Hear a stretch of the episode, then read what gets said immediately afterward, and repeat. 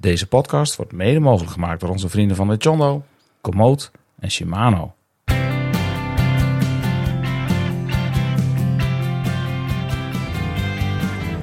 Beste vrienden van de show, je kent het wel. Op zoek naar een nieuwe fiets, merk het erover en tegenwoordig is er voor elke ondergrond wel een speciaal type fiets te koop.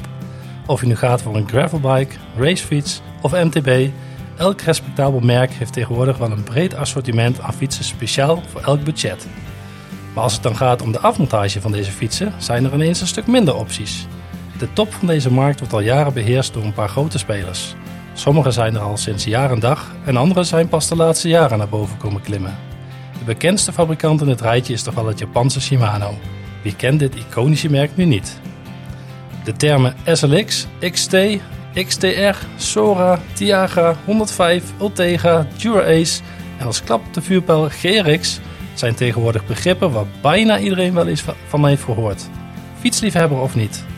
En dan heb je nog DI2, wat staat voor Digital Integrated Intelligence. Elektronisch schakelen dus. Klinkt als de toekomst, maar die toekomst is toch al even onder ons.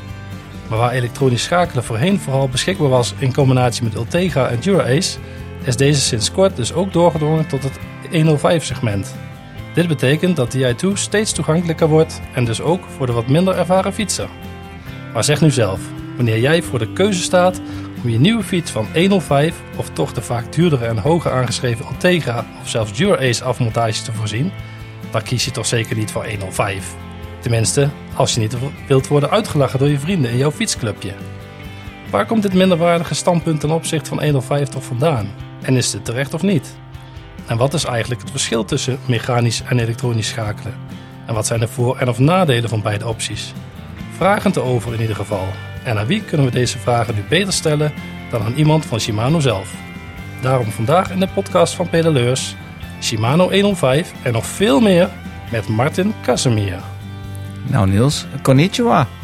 Ja, goedenavond. Ja, goedenavond.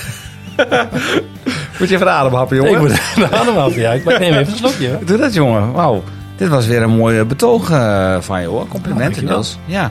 Ik vind wel uh, dat je, je, je zegt uh, minderwaardig standpuntje ten opzichte van 105 of 105. Moet je ook even vragen wat het eigenlijk is, hè. Je, kijk jij minderwaardig naar 105? Nee, ik kijk daar zeker niet minderwaardig naartoe. Maar ja, het is wel zo, als je de keuze hebt en Ja. hè, het is, hè, dan, dan, dan ga je toch wel me- meestal voor de zekerheid Ja, en toch een eh, tandje hoger. Dus als jij dan bij, bij een clubritje iemand ziet komen met, een, eh, met Sora of Tiagra, dan zeg je wel, jeetje, wat een kneus is dat zeg. Die kon het helemaal niet. eh Nou, ik zou dat niet zo heel snel zeggen, kneusje, maar kneusje ik denk het wel. Ja, ja, oké. nou, nou goed, ja, dat kan natuurlijk. Hè. Ja, nee, ik bedoel, zeker. niet iedereen heeft dezelfde portemonnee. Ja, ik moet eerlijk zeggen dat ik het al tijden eigenlijk niet meer gehoord heb. Dat iemand dat überhaupt heeft. Ja, we moeten het Martin zomaar eens even Ja, vragen. Want misschien inderdaad. worden Sora en Tiagra wel helemaal niet meer gemaakt. Eh, ik kijk even naar links. Eh, het wordt nog wel gemaakt. Oh, het wordt wel gemaakt. Ja, misschien ook nog wel in die Misschien zitten wij gewoon in het hogere segment. Ja, we zitten gewoon in, de, in, een, in, een, in een andere niche. Dat denk ik. Nou jongen, hey, eh, jij eh, was onlangs op zoek naar een andere fiets met Ja. eh die i-tool. Hè? Dat wilde je graag. Hoe, hoe eh, staat het ermee? Want ik kreeg laatst Eh, week een appje 's ochtends van... eh, Ja, ik, kreeg, ik kreeg het welbekende mailtje van eh, Canyon. Ja, vertraging. vertraging. Vertraging. Ja. ja. Ik denk dat de meeste mensen hem al gehad hebben, het mailtje. Jawel. Dus eh, nee, het viel gelukkig mee. Een weekje, als het goed is. Oh. Een weekje vertraging dan, dus nog twee Oh. weken wachten. Dat valt, eh, dat valt reuze mee. Ja. En welke was je ook even voor gegaan? De grill, hè? Voor, voor de Canyon Grill, ja. De Canyon Met Grill. DI2 erop. Lekker. Ja, dus vandaar dat dit wel heel goed uitkomt deze, Ja. deze avond. En heb jij al wel eens gereden met eh, die Nee, i-tool? Helemaal nooit. Nee. Wat, wat, wat zijn dan de vragen die jou te binnen schieten daarover? Wat wil je dan weten Nou ja, wat ik ook in de intro al vertelde. eh, Wat is het verschil tussen mechanisch en elektronisch schakelen? Wat Ja. zijn de voor- en nadelen? Ehm, maar goed, dat, ik denk dat dat wel de standaardvragen zijn. Mhm. Ehm, en wat, je hebt, wat heb je er allemaal nog verder bij nodig? En dan heb je een fiets met, eh, met een DI2 groepset, of in ieder geval elektronisch schakelen. Wat heb je dan nog meer nodig om er optimaal van eh, te kunnen genieten? Ja. Dat zijn Ja. eigenlijk de eerste vragen die mij eh, zo te binnen schieten. Stroom. Stroom, ja. Ja, niet om je motortje te laden, Ja. maar eh, om de fiets op En te ik, laden. ik heb ook wel eens begrepen dat het handig is om het stekkertje erin te hebben als je weg wil fietsen s ochtends. Of Ik weet waar jij naartoe Ja, wil. Ja, nee, dat was die bewuste of beruchte, wat was het? baal, baalochtend. baalochtend, ja, dat alles misging. Ja, was ik al met bidons vergeten Ja, en toen moest ik weer terug naar huis. En toen dacht ik, kak, ik kan niet meer schakelen. Ja. Want toen had ik blijkbaar mijn eh, kabeltje te veel, eh, ja, was ik gewoon te lomp geweest. Kabeltje eruit uit die junction box. eh, Volgens mij eh, was, was ook je band nog lek. Ook nog. Of leeg. Ja, het was Ja, echt... dat was eh, echt, eh, we begonnen met een goede start. Ja, maar heb ik toen nog wel gefietst? of Ja, je hebt uiteindelijk wel gefietst, ja. Behoorlijk hard, denk ik dan. Ja, frustratie. Ja, vast. Het vloeken ging heel hard, ja. Nou, laten we daar maar niet eh, op gaan terugblikken. Nee. Dus jij moet even wachten. Ik, maar, ik wacht even, ja. Ja, maar Nou, ik, Ik- hoef ik- niet meer te wachten hoor. nee, ik wou dit zeggen. Ik zag al wel voorbij komen Ja, de nou ja, afgelopen we- week. Wij zijn afgelopen vrijdag eh, bij eh, Herman Bleef Fietsen Ja. geweest. Hè, de Shimano Service Center in Nijverdal. Ja. En daar heeft Nout Verbeten, eh mechanieker van dienst, eh, met eh, Bram Schots on the side, eh, die hebben mijn fiets in elkaar gezet. ja, dat was een, een prachtige avond. Ja, wij, hebben dus gewoon echt eerste rang gezeten. Zeker. De frame was, hè, hing daar in de beugels. En wij stonden achter het glas mee te gluren met een kwaremondje on the side. En we heb wel eens vervelender eh gehad. Ja, absoluut. uiteindelijk hebben we toch wel een uur of drie, denk ik, wel gekeken. Ja, het ging ook ietsje langer door dan de bedoeling was. iets geloof ik. langer dan de bedoeling was, ja. Ja, ja, ja. Af en toe kregen er al, eh, kwamen er al berichtjes dat er meegekeken werd via de webcam en dat eh, de winkel eigenlijk al wel dicht moest. Ja, ja. Nou, we zijn eh, Herbert ook heel dankbaar om dat we dat zeker. mochten doen. Absoluut. Het is niet helemaal afgekomen, maar de volgende ochtend eh, heeft Bram nog even gefine-tuned en toen was het klaar. Ja. En eh, nou ja, jullie willen er misschien natuurlijk eh, van- ja, misschien van meegenieten. We hebben daar eh video-opnames van gemaakt. Die worden Zeker. as we speak geëdit door eh, Tristan Mengers. Die maakt er een mooie video van. En dan, eh, dan hebben wij ook een, eh, een dream build video. Zoals je hè, die video ziet op YouTube. Alleen het is dan niet een dream build, maar een dream rebuild. Maar hij gaat wel iets sneller dan in de werkelijkheid, denk ik. Hè? Ja, ja, ja, dit wordt geen drie uur. Nee, Nee. nee. Had ook te maken met het, het integrated stuurgedeelte. Hè? Ja. Dat alle kabels binnen door moesten. Dat ze een keertje ja, in het verkeerde dingetje waren gestoken. Ik weet ook allemaal niet meer hoe het zat. Maar Ja. En, die jij toe. en DI-tool. Ik heb nu gezien wat het voor een mechanieker betekent om een fiets eh, op te bouwen met DI-tool. En dat gaat niet altijd over rozen. Dat is wel echt eh, met eh, kabeltjes en plugjes en een beetje passen en meten. Dat, dat kan wel tijdrovend zijn. Ja, nee, maar het Dus, is eh, mooi om eens een keer gezien te hebben dat, dat inderdaad een fiets kaal opbouwen, Ja. dat dat toch echt wel een uurtje of vier minimaal kost. Ja, dat doe, je, dat doe je niet even zo. Nee, een dat doe je niet even Nee, nee, zeker nee, niet. nee, ik denk dat het mij een heel weekend had gekost. Ja. Maar nou ja, goed. Er zitten wat nieuwe onderdelen op. Ik had zo'n eh, zo'n carbon stuur nu van eh, Pro Bike. Gear. Ik heb Ja. dat getest al. Op tweede paasdag. Een, een ritje gedaan. was heerlijk. Buiten, dus niet op Zwift. eh, Ja, dat is speciaal voor voor Robert. Ja, wennen, dat is, was wennen. 125 kilometer ongeveer. Was heerlijk. De Pedaleurs Gravel Ride. Maar ja, ik moet zeggen dat zo'n carbon stuur, dat geeft toch wel een bepaalde, een bepaalde demping. Het, het stuurt gewoon heel lekker licht en Oké. ligt lekker in de handen. Tenminste, ik vond het prettig. Ja, ik ben daar ook wel benieuwd naar eigenlijk, Ja. aangezien ik ook gewoon een Grizzle heb en met een aluminium stuur, maar Ja, en eh, zonder flare. Maar ja is, dat wel een echt, flare eh. Ja. ja, dat is wel erg prettig. Dat je gewoon wat meer kunt hangen in je stuur. Het is echt eh, comfort, maar je kunt toch ook wel, wel hard rijden. Oké. En eh, ja, ik vond het heel erg prettig. Dus eh dat staat en het staat ook mooi. En ja, we zijn exitjes, dus Ja, over mooi staan gesproken. ehm, wat heb je, heb je nog iets toe- toegevoegd aan je Ja. fiets? Op Bram- het laatste moment? Bram die zei toen de fiets klaar was, ja, Maarten, nu ik er zo naar kijk, Ik mis iets. ik mis iets. Ja, die remschijven, die oude Ultegra schijven, en die van Dura zouden er wel mooi in staan, die zwarte. Dus ik zeg ja, en ik had al wat, eh, ik had een paar kwa- kwaremondjes op, dus eh, Ja. hè, ik was iets minder. Toch eh, iets losgegaan. ja, ik was iets, eh, nou, ik, had, ik kende wat minder weerstand, dus ik zeg, ah joh, weet je, doe eens gek, gooi ze erop. De volgende ochtend zaten ze erop en kom ik niet meer terug. Ik heb net de factuur gekregen, ik ben me kapot geschrokken, maar eh, nee. Maar het ziet er prachtig uit. Het ziet er prachtig uit, ja. En ik heb weten. nu ook andere bandjes. Ik heb nu Pirelli-bandjes een keertje. Want ik heb al vaker gereden met eh, de Swalbe-bandjes, de G-Byte eh, One. Eh, of de G1 Byte is Die dat, geloof ik. standaard op toch ook? Op die, de eh, op die ja. En, maar ik heb ook met Vittoria Terreno Dry gereden. Ook een heel fijn bandje. Maar ik wilde toch wel een keer iets anders. Gewoon, ja, gewoon eh, even kijken hoe dat dan eh, bevalt. Eh, en dit was op harde ondergronden. Was het, heel, eh, was het super goed te rijden. Alleen in Mulzand eh, merkte ik wel dat hij behoorlijk speels was. En dat moest ik echt wel eh, goed meesturen. Maar eh, ik heb hem dus getest. En eh, ja, was heerlijk. Maar je merkt ook meteen echt direct verschil. Ja. dat- ja, ik, ik heb tot nu toe alleen nog maar op diezelfde banden gereden. Dus, eh Ik had zelfs een kommetje. en kom je, ik zag het ja. Ik heb al jaren geen kom meer Nee. gepakt. Nou moet ik zeggen. Maar ik was je de eerste die daar voorbij is gekomen ooit? Nee, nou, nou, nou, Oh, nou, sorry. Niels, nee, nee, nee, nee. Het was een kom over een afstand, eh zes, zes minuten en zes seconden ik heb ik zag het, overgegaan. was, een, het was ja. een, eh, een eh, segment van drie kilometer.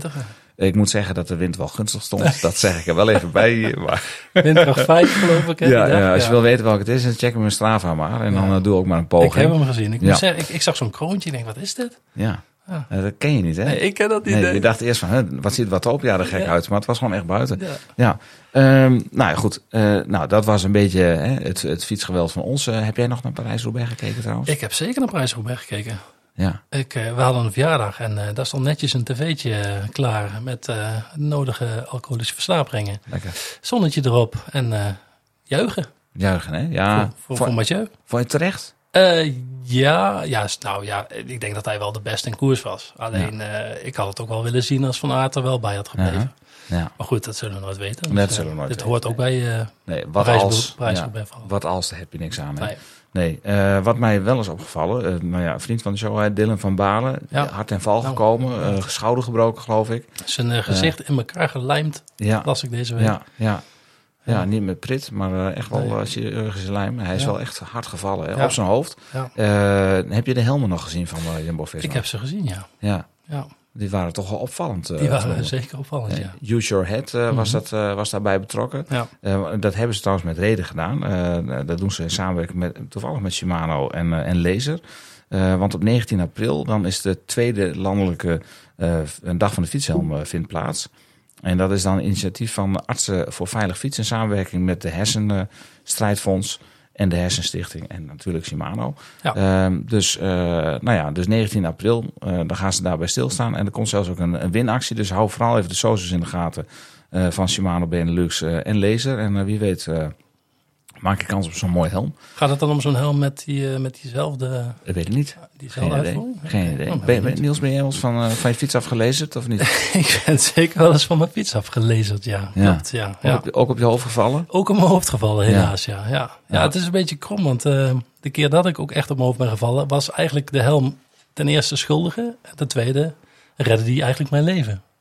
Beetje overdreven natuurlijk. maar- Nee, dan maakt het wel heel Ja, dramatisch. dat is heel Ja. dramatisch. Nee, nee, maar ik, eh, ik, ik zat op een single track met mijn gravelbike en eh er zat ineens een, eh, een vliegje of een, een beestje in mijn helm. En ik eigenlijk als een reflex ging ik met mijn hand naar, naar de helm toe en daardoor Ja. liet ik mijn stuur dus gedeeltelijk los. En toen kreeg we net een bochtje met dat mul zand en toen klapte ik dus gewoon ja, tegen de vlakte. Ja. Ehm, nou ja, opgestaan, doorgefietst. Alleen ja, nadat mijn vrienden zeiden van... eh, goh, je zegt nu in, tien, in, één- in één minuut al tien keer hetzelfde. Toen hebben ze me toch maar even thuis gebracht. En eh, ja, toen heb ik nog wel een weekje wel, eh ja, wel lichtelijke hoofdpijn eh, gehad. Dus nee, ja, goed, helm. heel belangrijk. ja. Het is nooit meer goed ge- gekomen. Nee. Als het al goed was, dan is het eh nog niet beter op geworden. Nee, nee, nee, nee. In het verleden gingen we wel eens zonder helm op pad. Heb jij dat wel eens gedaan, zonder helm ik, ik, ik, ik kan me echt oprecht niet herinneren dat, dat ik ooit gefietst heb zonder helm. En ik ben echt wel, wel echt in mijn tienerjaren heb ik, ben ik al eh, aan het fietsen ge- geweest. ja. Ehm, ik kan me wel herinneren dat er toen een tijd wel meerdere mensen zonder helm fietsten. En ja, de beelden op tv van Tour de France met, eh, met renners zonder helm, die, eh, die, die, die weet ik ook nog wel. Maar ik kan me daar gewoon niks bij voorstellen. Nee. Maar goed, dat is misschien ook een goed, eh, goed, eh, goed ding. ja, gelukkig wel, ja. ja. Hetzelfde met, eh met de autogordels, denk ik. ja. Dat is ook ooit niet net geweest. En Ja. nu kun je ook niet meer voorstellen dat je ze niet omdoet. Tenminste, Nee. ik niet. Nee. Hm, Oké. Eh, Martin, Ja. welkom. Dankjewel. Draag jij een helm als je gaat fietsen? Ja, uiteraard. Ja. Ja. Ben je wel eens gevallen? Ja, maar niet op mijn hoofd. Niet op je hoofd, gelukkig. Oké. Nee. ik heb het nooit nodig gehad. Nee, oké. Nou, gelukkig houden zo. Ja, houden zo. Eh, Ja, wij, eh, we beginnen de, de uitzending eh, altijd eigenlijk met een, eh, met een theemomentje. Ehm, deze week hebben wij een ingezonden theevraag van een trouwe luisteraar in eh, Bram Schots. Misschien wel bekend. Zeker bekend. Ehm, de vraag luidt als eh, ho, ho, ho, ho, ho. Wat eh, gaan we doen? We moeten natuurlijk wel eerst even een bumpertje. Ja, sorry. Geef Ja. niks, Niels. Geef niks, geef niks. Ja, komt toch omdat je eh, hè, gevallen bent op je hoofd. Ja, nou, daar komt hij hoor. Dat is de schade. Hij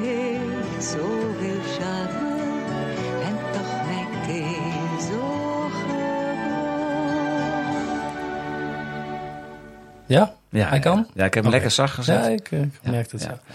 Nee, de vraag eh, luidt als volgt van Bram dus. Ehm, als je maar één ding mocht kiezen om te doen voor de rest van je leven, wat zou dat dan zijn? Vissen of fietsen? Ja, dat... eh, ik had hem kunnen verwachten van Bram, denk ik. Echte theeleut. Ehm ja, lastig. Lastig. Ik heb eh, beide hobby's... ehm, ja, vind ik echt superleuk. Ehm, ik zit bij Shimano wat dat betreft ook wel goed natuurlijk. Ja, die hebben ook wel iets in de hengelsport. Ja, Ja, zeker. ja, ja. zeker. Dus, Ja. nee, ja, ik, ik, mm, ik, ik denk dat ik dan toch voor het vissen kies. Oké, ik vind het wel eh, verontrustend. Maar ja, Vind je dat? Zou die toch niet gevallen zijn een keer? Nee, nee, nee. nee. Nou, ik, kan, ik kan me er wel in vinden. Ik ben ook een fanatieke eh, visser. Ja, ja nee, nee, lach Niels. Hij maakt hem, hij Nee, maakt ik hem. maak hem gewoon. Ja, ik ja. heb eh, ook gewoon een Shimano uh, beetrunnetjes en alles. Dus eh, de hele mikmak. Ben je een karpenvisser of eh, Ook, ook? ja. Wat is, eh, wat is je, welke, vis jaag je het meeste na? De snoek of? ja, nu is het gesloten tijd voor roofvis, dus Ja. ehm, dan mogen we niet op de roofvis eh, vissen. Ehm, dus nu, nu ga ik wat meer op karpen. Oké. En dan straks als de eh, gesloten tijd weer voorbij is, dan, eh, dan trekt de roofvis mij ook wel weer, eh, Ja. weer erg. Dus eh, de zomer is meestal wat meer op, op karpen gericht. Ehm, en dan in het najaar en de winter eh, gaan we de grote plassen op om Oh, baars lekker. te vangen. Oh, mooi. En Maar dan gaat, ga je dan op de fiets naar het water? of? Eh, een waterfiets. Oh, maar snoek, snoekbaars en zo? Eh, ja, ik, ik voornamelijk op baars. Oké. Ja, dus Ja. specifiek ehm, eh, op baars. Eh, heb je een record? eh? Ja, 50 centimeter zit hij nou op. Oh, dat Het is een Nederlands baas. record eh, is fors. eh, 56. nou, Oei, waar gevangen? Ja, in de Maasplassen. Dus eh, in de buurt van Den Bosch. Ja, mooi. Ja. Oh, en heb je ook een record snoek? Ja, 1,13. Oh, ja, ik zit op Ja. 1,7 meter. Ik was heel Ja. lang recordmeister van de boot. Op de, op de IJssel, sterk beest trouwens. Ja, Maar eh 1,13 meter, lekker. Poh. ja, die zijn in Nederland nog wel groter te vangen. Dus eh sowieso Ja. een mooi doel voor, eh, voor deze. Ja. Oh, gaaf zeg. Ja. Ja. Wist je dat niet, eh, dat ik ook heb gevist, Niels? ik eh, aan jouw eh, naam te horen, zou Ja. dat wel normaal moeten zijn, ja. Maar goed, nee, had ik eigenlijk nog Nee, niet... heb ik eh, nooit niet verteld dat ik ooit, nee. ooit eh, een vispas heb aangevraagd... en dat die vrouw aan de telefoon zei, hoe heet u? Ik zeg Maarten Visser. Haha, grappig. En toen hing ze op. Ja, nee, heb je Toen heb ik teruggebeld. Toen moest ik haar overtuigen dat ik echt visser heette. Ja. Want ze dacht dat ik een geintje maakte. Hè, dan wil je zo'n eh zo'n pieper een vispas eh, aanvragen. Maar Ja. ja. ja. Een vispas, Toen ja. ging dat nog telefonisch. Ja, toen ging dat telefonisch. Oh man, wat omslachtig. En met nachtvispasjes en Ja, ja, ja. verschrikkelijk. Ja. Ja, Maar wel belangrijk. ja nee, nee, zeker, zeker, zeker. Eh, catch and release, hè. Ja. Eh, nou, eh, Martin, je bent eh, bij ons eh, in de studio. het is wel weer lekker dat we een keer met iemand gewoon fysiek zitten en niet eh, eh, via een schermpje. We hebben het schermpje er wel bij aan, moeten we bij zeggen. Eh, ter ondersteuning. Maar we zitten hier niet alleen. Eh, met Martin, Martin heeft ook een, eh, een dikke vette fiets naar, naar binnen gedragen. Eh, we zitten hier met een, eh, een mooie, ja, het is een, een Ridley, geloof ik, hè? Eh, racefiets, afgemonteerd met Shimano 105 eh, Di2. Eh, is het 105 of 105? Ja, dat is voor iedereen een beetje... In Engels zeggen ze 105. Ja, Dus ik denk dat het op 105 moet houden. oké. Ja, wij- 105. 105 105, is wel ja. mooi. Ik heb al meteen een vraag. Nou, Is deze customized gespoten? ik denk het wel. Ik Ja? denk het ook. Oké. Toch niet in uh, Venhorst? niet in Venhorst, hè? Ze moeten navragen. dat Dat- ja, ja, ik weet Nou, wel. we zagen wel een paar Shimano eh, Ja, ja, ja. eh, Ja. custom Kennis, eh, ja, ja. fietsen staan daar. Ja. Zeker, Ja. ja. ja. en wij zeggen, wij zeggen gewoon eh, Shimano 100, 104. Zeggen Ja, wij, dat zeggen eh, jullie. Ja, dat Dat zeggen wij ik niet, gewoon. hoor. Ja, nee, nee. Mooi. Oké, nou ja, we gaan mooi. straks de fiets eh, nou niet helemaal uit elkaar trekken. Want we weten hoeveel tijd het kost om in elkaar te zetten. Maar wel je het hem van het lijf eh, bevragen daarover. Maar eerst wil ik even wat meer van jou weten. Eh, Martin, je werkt voor Shimano. Ehm, hoe, lang, doe, hoe lang doe je dat al? Ehm, ik zit nu, ik denk in mijn zevende jaar. En hoe ben je daar terechtgekomen? Ja, eerst op de binnendienst. Ehm, als als sales support. Sales support. Wat echt een gigantisch goede leerschool is. Eh, ik, had, ja, ik was wel een fietsliefhebber, maar ik had niet heel veel eh, kennis van Shimano groepen aan zich. Dus ja, ik kende misschien de line-up een beetje. Maar toen op de binnendienst, ehm nou, was een hele goede leerschool om Ja. heel veel technische kennis op te doen. En daar heb ik nu nog steeds in mijn werk, eh, in de buitendienst nog steeds echt eh mega veel profijt van. Maar is het in de binnendienst dat je ook eh, in de praktijk al heel veel eh, daar eh, mee in aanraking komt? Of is het echt Nou, wel... als, je, als je leergierig bent, dan, dan Ja, kan dat. Ja. Ehm, maar het is met name heel veel omdat ja, onze, onze dealers, eh, de fietsenwinkels, die komen natuurlijk met telefonische vragen, of Ja. via de telefoon met vragen bij ons. Ehm, en dat zijn vaak vragen die een geleerde monteur niet, niet kent. Dus ja, Ja. Je, moet, eh, je moet wel dusdanig weten van technische Ja, ja. eigenschappen van onze groepen om, om Ja. die vragen te kunnen beantwoorden. Dus Ja. eh, je leert op die manier heel snel. Ja. Ja, ik kan me voorstellen. En eh, als je dan van de binnendienst afgaat, wat, wat ben je daarna gaan doen? De buitendienst in. En de, Ja. Nou, nou, nou, dat had ik niet verwacht. Maar dat is een beetje, een beetje zoals wat jij doet soms van de binnendienst hè, Naar de buiten. buitendienst. Oh ja, we fietsen. Ja, nee, dat is waar. Ja, nee, een leuk bruggetje. Dank je. Eh, naar de buitendienst. En eh, je, je, we hebben je al een keer gezien bij, eh, bij eh, Herman B. Fietsen. Maar Ja. Je gaat dus winkels af. En je bent, mogen je een vertegenwoordiger noemen van Ja. Shimano? En dat betekent dat jouw doel is om het eh, product zo zichtbaar mogelijk te krijgen in de winkel. Mhm. Of ook zoveel mogelijk Shimano service centers binnen te halen. Of wat, hoe, hoe zie jij eh, jouw, eh, jouw Nou, taak? Zoveel mogelijk servicecenters is, eh, is niet het doel. Ehm goede servicecenters is wel het doel. Dus als wij een servicecenter, eh potentiële servicecenter hebben, dan, dan vinden we het belangrijk dat die van een bepaald niveau is. Ehm, en dan mogen er best veel zijn. Ja, ja. Ehm, maar het gaat met name dan om de kwaliteit en niet om de kwantiteit. Ehm, en ik ga dus ja, inderdaad eh, klanten van Shimano af. Dat zijn niet alleen servicecenters, maar dat zijn eigenlijk alle fietsenwinkels. eh, ehm, ja, proberen we langs te gaan in de omgeving. Er zijn er heel erg veel, dus eh, we kunnen ze lang niet allemaal bezoeken. Maar Nee. ehm, ja, de wat grotere klanten die bij ons in ieder geval spullen bestellen, Ja. daar zullen we voornamelijk zichtbaar zijn. ja. En hoeveel, hoeveel bezoek je er per dag? Is dat twee, drie, vier? Ja, verschilt een beetje. We hebben natuurlijk nu eh, de coronatijd achter de rug. Ja, Eh, daar ging heel veel tijd in eh, ehm, bij, bij onze wat grotere klanten om alle orders goed te kunnen, te kunnen managen. Eh, dus daar ging heel veel tijd in en ja, dan, dan ben je gewoon wat minder. eh, ehm, ja, ben je al langer bij een klant binnen, dus dan kun je wat minder klanten doen. Maar we proberen het gemiddelde op drie, vier klanten per dag te houden. ja precies. Ja. Ja. Ik vraag me zo af, als je dan als, hè, als Shimano-man binnenstapt in zo'n winkel, wat zal dan de eerste vraag zijn die je vaak krijgt? Eh, ja, koffie, eh, melk en suiker natuurlijk. precies. Eh, maar hè, als het dan gaat over Shimano-producten, is het dan... eh, Waar blijft mijn voorraad? Ja, waar blijft mijn Ja. voorraad? Ja, in coronatijd wel, denk Ja, ik. ja, en nu ja. is het, ik wil niet meer zoveel afnemen, denk ik. Want, zeker, het is want- omgekeerd. ja, ja. Ja. want kun je eens beschrijven hoe dat gegaan is in coronatijd? Mensen konden spullen niet krijgen. Nee, klopt. Ehm, ja, het- eerst was het natuurlijk een heel, enorme schreeuw naar voorraad. Dus ehm, eh, de eerste, eerste maand maart, nou, iedereen praat over die ene maand maart, dat, het, eh, ehm, dat er opeens angst was, corona was er, eh, eh, we konden de winkels niet meer in, dus we gaan alles annuleren. Ehm, een maandje later bleek het toch anders te zijn en ging iedereen fietsen. Het werd gestimuleerd, het was gezond. Ehm, Dat was een beetje het enige wat je nog kon doen. ja, Ja, nee, ja. inderdaad. Ja. Dus, ehm, dus, en toen kwam die enorme run op, op producten. Ja. Ja. ja, en dat hebben we wel in de winkels eh, gemerkt. Iedereen wilde spullen hebben, maar ja, er was zoveel in de wereld gevraagd, niet alleen Ja. in Nederland. Eh, wij zijn niet eens heel veel meer gaan fietsen of heel veel meer fietsen gaan verkopen. Nee. Ehm, maar met name ook in andere landen werd gewoon zoveel gevraagd. Ehm, ja, daar hebben we nu nog steeds, eh, nu nog steeds last van. Hm.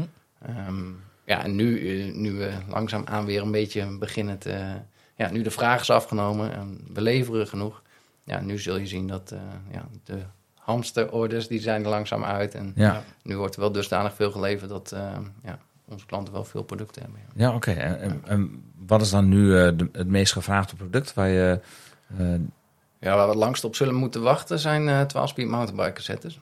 Ehm, die hebben we nou, vlak voor corona en, en net in het eerste jaar corona hebben we die groepen gelanceerd. Natuurlijk nog geen historie op verkoop van die groepen. Ehm, iedereen ging fietsen, heel veel mensen gingen mountainbiken. Dus eh, de vraag naar de 12-speed mountainbike groepen is, is vanaf het eerste moment is er heel veel geweest. En ja, daar hebben we eigenlijk ook voor nu het onderhoud daarvan gedaan moet worden. Mhm. Ze hebben daar nu nog steeds eh eh, enorm orders op staan. En dat, we leveren nu uit van 2021. Zo. Op, op die producten. Zo, Dat is lekker. dat is, eh, ja, dat is zeker lekker, ja. Maar het gaat nu wel hard, moet ik zeggen. we leveren goed uit. Ja, nee, gelukkig maar. Ja. En want ik, eh, ik heb nu, eh, ik rij nu een jaar met, eh, met die Arrow, hè, met die 12-speed eh Ultegra groep, eh DI2. En toen ik hem kreeg vorig jaar waren er ook geen cassettes voor bergverzetten, want ja, ik ging de ride rijden. Ik had wel heel graag met een 34 eh, achter willen rijden. Mhm. Ik reed met, met een 1130, dus ik heb mezelf vrij vaak vervloekt. Vooral de snackhand vervloekt hè, in coronatijd. maar die zijn inmiddels wel weer op voorraad. Of eh, trek, dat begint ook wel weer aan te trekken. Ja. Nou ja. Nou, En anders had je altijd voor nog kunnen aanpassen. Nee, maar die bladen waren er ook niet. Oh, ja, dat wordt lastig. Dat werd heel lastig. Ja, nee, ik zat echt. eh, ja, nee, ik, ben, ik ben er zo sterk uitgekomen. Vooral die derde week. Dat Ja. ging zo goed. Ja, ja, ja. Altijd, hè? Nou ja, goed. Eh, je werkt dus eh, bij Shimano, binnendienst, buitendienst. Je zei al, je hebt heel veel geleerd hè, op de binnendienst. Eh, maar je, je krijgt natuurlijk steeds nieuwe producten. Nu heb je ook weer Shimano 105.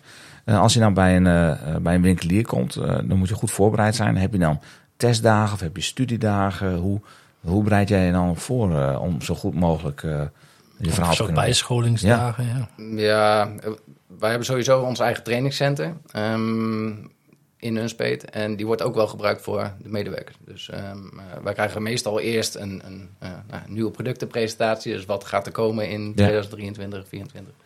Ehm, en op het moment dat wij dat ook aan de, ja, eh, aan de man moeten brengen, dus als we dat in de, in de winkels ook moeten presenteren, dan kunnen wij gebruik maken van die presentaties. Dus daar halen we heel veel informatie uit. Er staan ook altijd kleine notes in, waar eh, dingen waar je op moet letten, of tips voor monteurs of dat soort dingen. Ja, Ehm, en in, in ons trainingscenter eh, ja, volgen we eigenlijk dezelfde training als veel monteurs doen. Om wel op de hoogte te zijn van hey, wat, wat voor informatie wordt er door ons trainingscentrum naar eh, onze monteurs gebracht. ja juist. Nou ja. Ik, ja, dan zou ik toch wel de vraag of je Bastiaan ja, ook een keer die kant op wil eh, sturen. Want die kan volgens mij nog geen binnenbandje vervangen. Dus eh, of cassette. Daar staan afspraak Oké. over. nee. nee. Je wilde weer terug naar dit speet. Eh, ehm, dat betekent dus dat je erachter komt wat er gaat komen. Dus leef je ook een beetje onder embargo's zo nu en dan? Ja, alleen maar. Alleen maar. Is, dat, eh, is het, eh, ja, de- kijk, dat is een beetje van heel goed kun je hem geheim bewaren. Mhm. Maar je krijgt natuurlijk wel eens vragen van, eh, van mensen. Hè, en dat je dan denkt van, oh jongen, je moest eens weten. Is dat, eh, Ja, maakt of, dat of, van, of van winkeliers. van winkeliers? Ja, Ja, ja. Maakt het dat leuker? Of eh, denk je dan van, oh joh, ik wil het je zo graag vertellen. Dan is je probleem opgelost. Want het kan ook frustraties wegnemen natuurlijk bij mensen. Ja, ja dat wel. Alleen, kijk, die embargo's zijn er niet voor niks. Ehm, en in, belangrijkste geval is natuurlijk dat er nu in de winkels veel fietsen staan. Ja, ehm, ja, ja, met ja. producten die misschien in de Zeker. toekomst uit gaan lopen. Dus eh, ehm, ja, je moet die wel echt respecteren. Ja. want Anders eh, heeft dat effect op de verkoop voor al onze klanten. Dus Ja. het is niet alleen een bescherming voor ons bedrijf Shimano, maar ook voor Mhm. ehm, ja, de voorraad van, eh, van, van zo'n winkelier. Ja. Ehm, maar ja, natuurlijk eh, jeukt het af en toe om, om dingen te kunnen, te kunnen en willen vertellen. Omdat Ja. je gewoon hele, ja, ons bedrijf staat gewoon niet stil. En die, er wordt gewoon eh, in Japan eh, heel erg veel doorontwikkeld. En eh, die zijn al jaren vooruit aan het werken. Ja. Ehm, Ja, de luisteraars kunnen niet zien eh, hoe jij nu kijkt. Nou, maar je ogen beginnen echt helemaal te glimmen. Ja, maar dat is prachtig. Dat vind ik echt mooi. En ook, ook dat je gewoon- nog iets kunnen lospeuteren als de, als de podcast klaar is? Nou, nee, ik denk het weet niet. ik denk het niet. Ik denk het niet.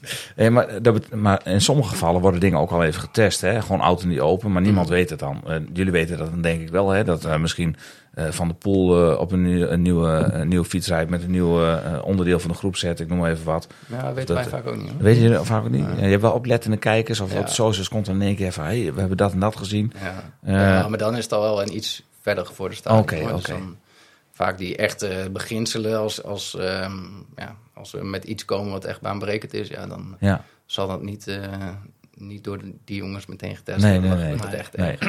Ergens, eh, ergens achteraf. Als je dan even terugkijkt hè, naar eh, zaken waar embargo's al, al af zijn. eh, wat, is da- wat is jou dan bijgebleven van iets wat je voor het eerst hoorde? Dat je dacht van, wow, dit is echt, dit gaat het echt veranderen. Mm, Ja, ik vond zelf de, dat we ehm, XT en SLX tegelijk brachten. Shimano had altijd een beetje een vaste stramien van... Nou, dan brengen we duurreizen uit, dan maak ik hem wel tegen uit. En eh, dan, nou ja, met XT en XTR was dat eigenlijk hetzelfde. Ehm, maar we brachten voor het eerst twee groepen tegelijk. En ja, we wisten met z'n allen wel van... Nou, ja, dat gaat wel effect op de markt hebben. En dat was enorm leuk om te brengen. Want je brengt eigenlijk ja, twee groepen, twee prijspunten... voor zo'n gigantisch grote groep mensen Mhm. op de markt. En Dat dat is was twee keer goed nieuws eigenlijk. ja, eigenlijk wel, ja. Ja. ja. En eh, ehm, ja, dat, dat was een mooi, vond ik een mooi moment. ja. En eh, hoe eh, vind je het dan als je dan, hè, dat snap ik helemaal, hè, maar hoe kijk je dan naar winkeliers die dan die twee groepsets dan weer mixen? Want dat zie je ook wel eens, hè, dat je dan SLX onderdelen hebt op een XT-fiets. Ja. hè, de, rem, de remmen wel XT en de rest eh, Ja. SLX. Is dat ook iets wat jullie zeggen van dat kun je doen? Of eh, zie je dat Nou, liever winkeliers niet? doen dat sowieso Of nou ja, de, de fabrikanten. Ja, doen dat meestal om het prijspunt wat eh, Mhm. omlaag te brengen. Ehm, ja, kijk, Shimano maakt natuurlijk eh, een groepset. Dus de hele set compleet ehm, zorgt voor de optimale schakelprestatie. En dat je eh, kan genieten van zo'n groep zoals, zoals wij hem, eh, ehm, zoals Shimano hem maakt. Ehm, en vanuit prijspunt daar ja, eh, wat in te mixen kan, maar dat kan wel effect hebben op je, op je schakelprestaties. Ehm, zoals een shifter van XT schakelt iets anders dan een shifter van Ja. SLX. Dus die zal, eh, die zal eerder aangrijpen en daar heb je gewoon meer, meer schakelplezier van. Ehm, dus ja, ik, ik vind het zelf zonde. En vooral als er ja, andere merken bijvoorbeeld op zitten. Of nou, je stopt een keer een andere ketting op. Ja. Ja, op een technologie die wij in de, in, de, in de cassette hebben zitten, ja, dat gaat minder schakelen en dat is zonde. Ja, om- omdat de, de, de tandjes van de cassette die passen perfect in die, eh, tussen Ja, die schakels ja. van de ketting. Ja. Dus als je bijvoorbeeld eh, met, eh, nou je hebt mijn eh Canyon gezien, hè, die Grizzle. Mhm. Er zit een, een gouden logo op. Ik zou daar ook bijvoorbeeld een, een gouden ketting op kunnen leggen van een ander merk. En dan zeg je van ja, dat gaat dan echt ten koste van hoe het aangrijpt. En dat merk je in eerste instantie niet zo, maar de ketting slijt dan sneller of de cassette slijt sneller. Of... Ja, dat kan verschillende effecten hebben. Ja. Ja. Oké. Maar het is niet zoals wij het bedoeld hebben. Nee, nee, nee, snap ik. Nee. Maar ik kan me ook zo voorstellen dat het ene onderdeel misschien minder onderhevig is aan slijtage dan een ander onderdeel. Dus dat je in die zin wel zou kunnen ehm, combineren. Hè, Ja. Dus eh, de- de- lijkt mij maar. Ja, nee, kan ook. Kijk, als je naar eh, kettingen kijkt bijvoorbeeld. Ehm, een ketting van een wat hoger segment heeft een net andere behandeling. Er zit een andere coating omheen. Ehm, bij Durace zelfs zijn de lagers ook eh, hebben een bepaalde coating. Ja. Eh, of nou ja, de pennetjes die erin Mhm, zitten. mhm. Ehm, dus ja, dan is die ketting die zal hetzelfde presteren. Alleen die gaat dan weer, die heeft een andere behandeling gehad. Dus die kan je langer, langer goed houden. Aha. Dus Ja, de, de- ja, we komen straks nog wel op de ketting, maar de coating die over de ketting heen zit, ja, eh, het trekt, vind ik in eerste instantie altijd heel veel vuil aan. Hè? Mhm. Meestal ontvet ik hem en dan ga ik dan met, eh, eh, met wax eh, rijden. Ehm, is die extra dicht gecoat de eerste keer, om ervoor te zorgen dat je zo lang mogelijk zonder het, het smeren van de ketting kan? Nee, als je hem uit de verpakking haalt, moet je hem eigenlijk altijd de eerste laag moet je even met een doek eraf halen. Dat is echt in, inderdaad voor, eh, ja, voor het vervoer. En zolang die in de verpakking zit... eh, eh, Droogt hij ook niet ja, uit, of- Nee, dat ja, bedoel ik, ja. ja. Ah, Dus dat is gewoon een eerste beschermlaag. eh, en echt die, ja, de, de behandeling die de schakels hebben gehad, eh, dat zit echt op de ketting zelf. Ja. Dus eh, dat ga je er niet snel met een doek afhalen. nee, nee, Dus zeker. zo is die behandeling. Nee, Nee, maar de Nee, meeste maar- mensen kopen toch gewoon een nieuwe fiets. En dan zit de ketting Ja, er al dat op. zit er, ja, ja, ja. dan Ja. nog zou ik wel even met een doek Nee, de eerste Ja, keer de ketting gewoon, doen. das, gewoon Dusty. Dan krijg je alle vettigheid er wel uit. Slechtste.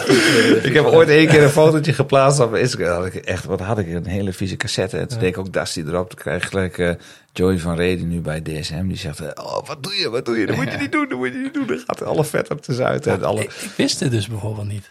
Nee, heel veel mensen. niet. Kijk, ik maak hem natuurlijk gewoon netjes schoon met de speciale producten daarvoor. Ik bedoel, ik ben ook niet gek, maar, maar ik, ik, ik heb geen idee wat je echt niet moet doen. Nee, nou ja, jij zet zelfs je kinderen in. Ik zag eh, wat voorbij komen. Je Ja, zegt ja, gewoon, klopt, er was ja. gewoon eh, kinderarbeid, Ja, was echt die laatste 20 kilometer zondag. ik zeg, eh, hè, Jesse, mijn zoon van drie, ga jij maar even die, fiets- die fiets poetsen. Want papa kan even niet meer. Maar dat, dat vindt hij helemaal prachtig, joh. Dus Ja, ja, ja. ja. moest hem alleen een beetje in de gaten houden dat hij niet de hele tijd over de, rem, eh, de remmen heen ging. Maar, eh, Ja, dat kan eh, ook wel. Dat kan ook wel tegen water. Ja, ja, ja. Eh, je staat in contact met eh, winkeliers. Eh, doe jij, heb je ook contact met, eh, met profs bijvoorbeeld, met ploegen? Eh, heb- helemaal niks. Dat gaat allemaal via andere kanalen. Ja, ja meeste eh, de ploegen gaat, eh, het grootste deel gaat via Shimano Europa. Ja. Dat zijn eh, afspraken die zij hebben gemaakt. En daar hebben we een marketingteam en die, Mhm. daar, die hebben daar het meeste contact mee. Ehm, en ik heb hier zelf, ja, omdat DSM natuurlijk in, in mijn regio zit, heb ik bij hen wel eens, wel eens wat contact gehad. Ja, ja. Maar, maar verder niet. nee. Nee. Misschien vind je dit een gekke vraag hoor, maar Jumbo-Visma is overgestapt naar een ander, ander merk bijvoorbeeld. Mhm. Eh, dat heeft jarenlang met Shimano gereden. Hoe kijk jij daar dan, daar dan naar? Vind je dat dan gewoon echt heel jammer? Dat ze niet meer rijden met jullie groepsets? Of denk je van ja, oké. Ja, dat voornamelijk. Ja, Ja, ja, dat was wel even een, eh, een, ja, een schok natuurlijk. Ja. Ehm, en ja, het is, het is gewoon de beste ploeg binnen, de prof, binnen het Ja. profpeloton. Dus Ja. ja, dat is super, super jammer als dan die renners niet meer op Shimano rijden. nee. Ehm, aan de andere kant, ze hebben nog steeds onze helmen. En het is nog steeds Ja, nee, een zeker. prachtige ploeg. Het zijn Ja. super goede renners. Dus Ja. eh, de wedstrijd wordt er, eh, wordt er uiteindelijk niet, niet minder leuk om, denk ik. Nee, nee, precies. Ja. Maar ze winnen wel veel de laatste Ja. maanden. ja. Van het weekend ook, of niet? ze zijn niet Nee, tot aanspraak eh, bij de monumenten. Die winnen ze Nee, niet. Nee, dat dat is is dat is jammer. De jammer. voorbereiding was goed, maar... Ja, eh, het, ja. we gaan ze nog genoeg zien. Ja, Dat denk ik ook wel. En anders eh, misschien nog wel een paar Bauke Mollema momentjes. Ja. Dan weet je wel wat ik op doel. Ja. Eh, Een laten we hopen. ja, zoiets, ja. Nee, dat goed. Ehm, even kijken. Eh, nou, de, volgens mij, ik had nog wat staan over coronatijd, maar daar hebben we eigenlijk al over gehad. Maar kijk jij ook met interesse naar, naar de concurrent? Eh, dan hebben we het toch over de andere, hè? Eh, over SRAM, over Campagnolo, over Rotor bijvoorbeeld. Ik weet niet of die nog groepen maken, dat hebben ze een tijd geleden wel gedaan. Ja. Maar eh, bekijk je die met extra interesse of is het gewoon van wat wij doen, doen wij gewoon goed? Voornamelijk dat laatste, ja. Ja. ja. Eigenlijk zijn jullie een beetje de Apple onder de... eh, ja, ik, als ik het met een bedrijf moet vergelijken... dan denk ik altijd Apple is van what you see is what you get. En wat we doen, doen we goed. En de rest allemaal een beetje Android. Misschien gaat hij wel helemaal mank hoor, deze vergelijking. Maar, eh, of deze beeldspraak. Maar ja, zo zie ik het. Ja, marktaandeel van Apple is groot natuurlijk. Maar, Ja. Ja, zo is het voor Shimano ook wel. En eh, ehm, kijk, wij, wij hebben een heel groot marktaandeel. Ehm, en wij zien, hebben echt geen oogkleppen op. We zien ook dat schermen eh, ehm, als ja, grootste tegenstander eigenlijk op race en mountainbike. Ehm, enorm mooie groepen maakt en daar echt enorm gas aan het geven is.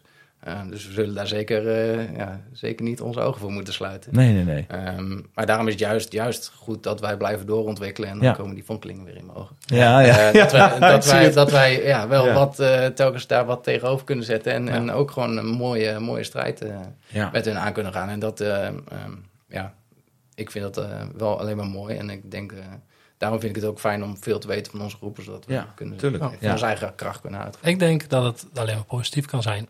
dat je ook concurrenten hebt die eh, ook heel erg Ja, houden die zaten, Ja. houden die scherp. Ja. Dus eh, En er zijn nog wel meer als schermen. Dus, Ja. eh, en vooral tijdens de laatste coronajaren zijn er wel wat meer eh, ja, opgekomen. Ja, ja, Wat ja, wij zeker. bijvoorbeeld niet konden leveren en zij ook niet. ja.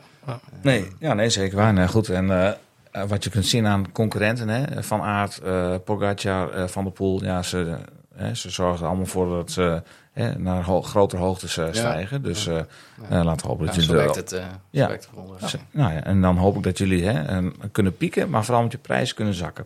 Want ik moest van de week een, een cassette halen en ik schrok me helemaal de blubber, joh. Gewoon een XT of een, een, een cassette van Ultegra. En in het verleden was dat gewoon een cassette. Ja, dat ja, dan, ja heel onerbiedig. Maar ging je even een mantel en dan had je voor vijftientjes had een Ultegra cassette. Dat is niet meer het geval.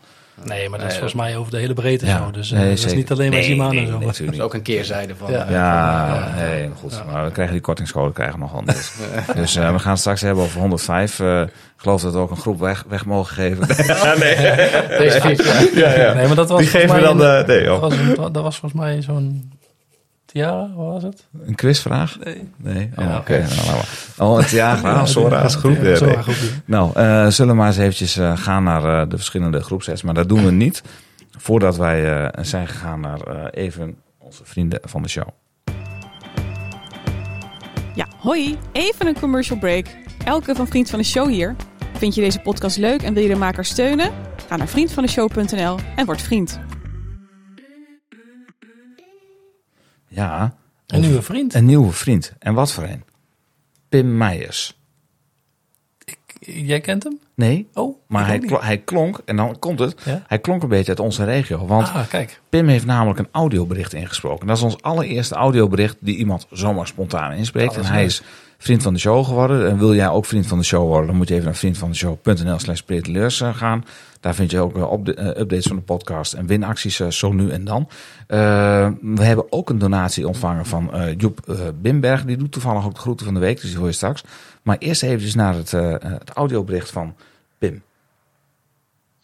Beste pedaleurs, mijn naam is Pim Meijer en ik ben zojuist vriend van de show geworden. Ik heb dat gedaan omdat ik geïnspireerd ben geraakt door de mooie ervaringen, informatie over materialen en discussies in jullie podcast. Eerlijk gezegd wilde ik al eerder starten met bikepacken, maar de lol en de zin om echt te gaan heb ik toch uit jullie podcast gekregen.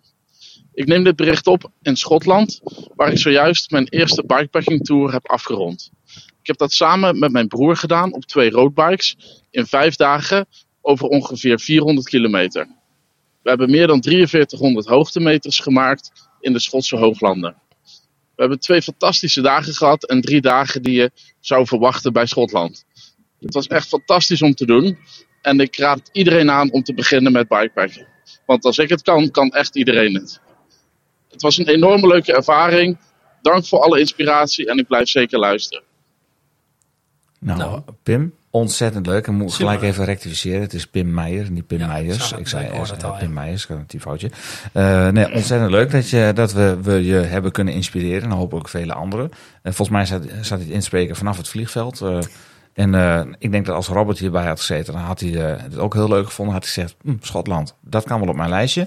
Dus eh, Dat ik zal van hem, dat, wordt wel steeds heel groter. wordt met, heel eh, ja. Maar ik moet heel eerlijk zeggen, dat, dat Schotland lijkt mij dus ook echt fantastisch om een keer heen te gaan met de fiets. Ja, mij ook. Mij ook.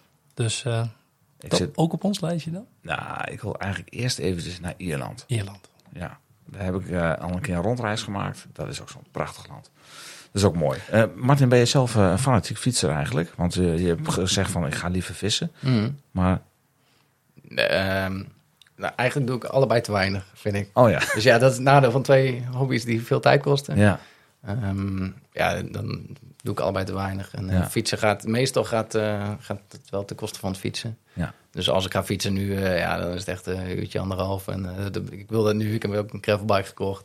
Dus ik wil wat meer langere tochten doen en wat minder naar die gemiddeldes kijken. Zodat ik wat meer eh, ga genieten van, Ja. van de natuur. En, eh, Maar daarvoor was het op een racefiets of op een mountainbike? ja, racefiets Racefiets, voornamelijk. ja. Mountainbike had ik wel en deed ik af en toe de routes. Maar dan, dan ja, dan moet je hem altijd in de auto leggen en, eh, en, en meenemen. En dat deed ik toch te weinig. En nu, ja, ik woon in Apeldoorn, dus ik, eh, ik steek de straat over en ik ben op de Veluwe. Dus dat, eh och heerlijk. Ja, Ja, maar dat dat is echt wel... hier toch ook. ja, proef ik jaloezie? Ja, een beetje wel, Oh, een beetje wel, een een beetje wel.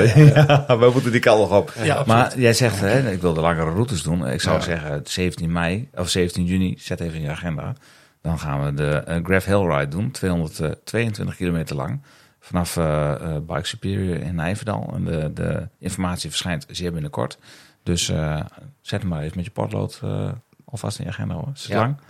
Ja, is er ook een kortere... Eh, je kunt altijd afsteken.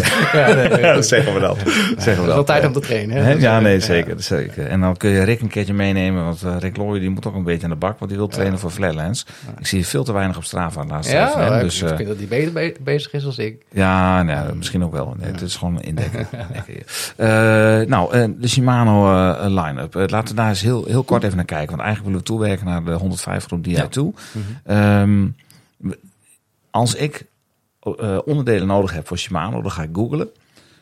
En dan weet ik niet wat ik allemaal tegenkom. Want het zijn, eh, als ik zoek op een cassette voor Ultegra, dan krijg ik ongeveer vijf, zes verschillende varianten van mijn idee dan. Hè. Mhm.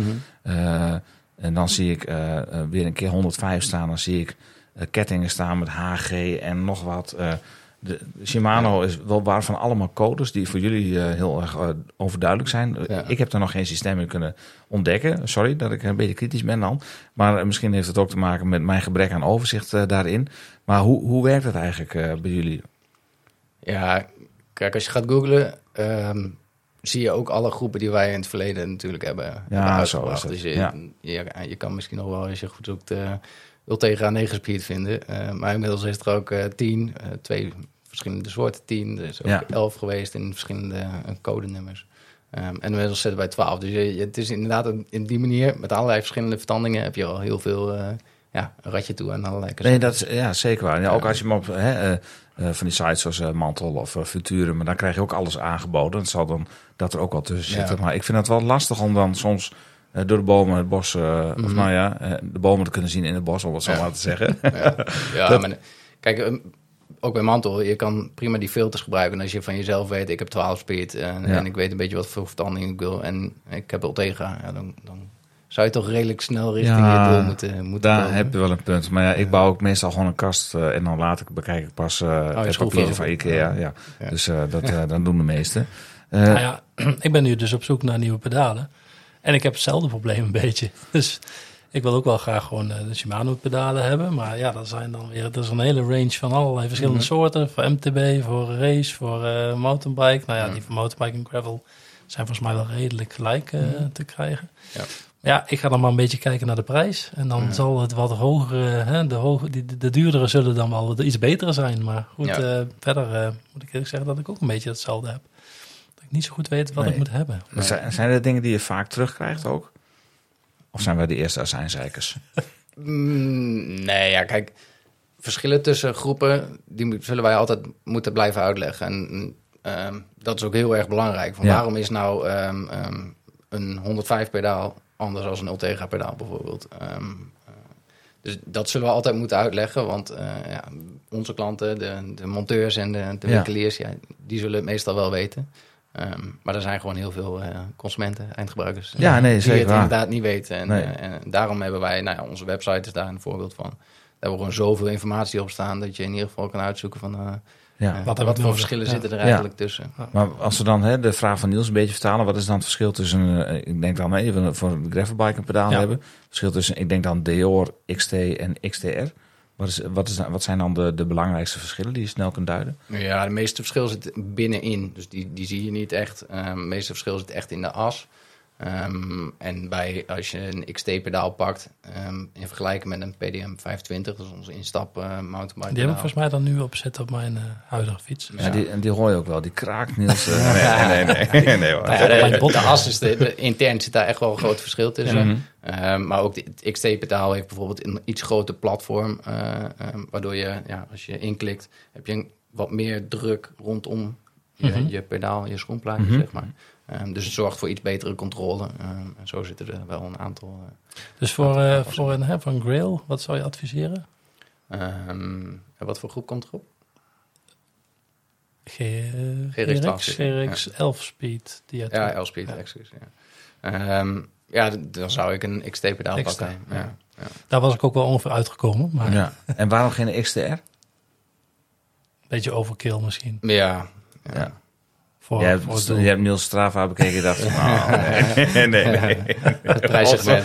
Nee, Oh, deze krijg ik buiten de show even terug, denk ik. Nee. Ik heb nog wat filmpjes gemaakt vandaag. Oh ja. Ja, Ja. ja. ja. Nou ja, dat is ik voor mij. eh, Ik heb ook wel eens naar XTR-pedaal gekeken. En dan denk ik, oh wat cool. Dat is, maar ja, het is hartstikke duur. Denk je, heb je dat nodig? Nee. Ja, maar dat is het. Maar als je eenmaal bezig bent, en dat is ook een beetje...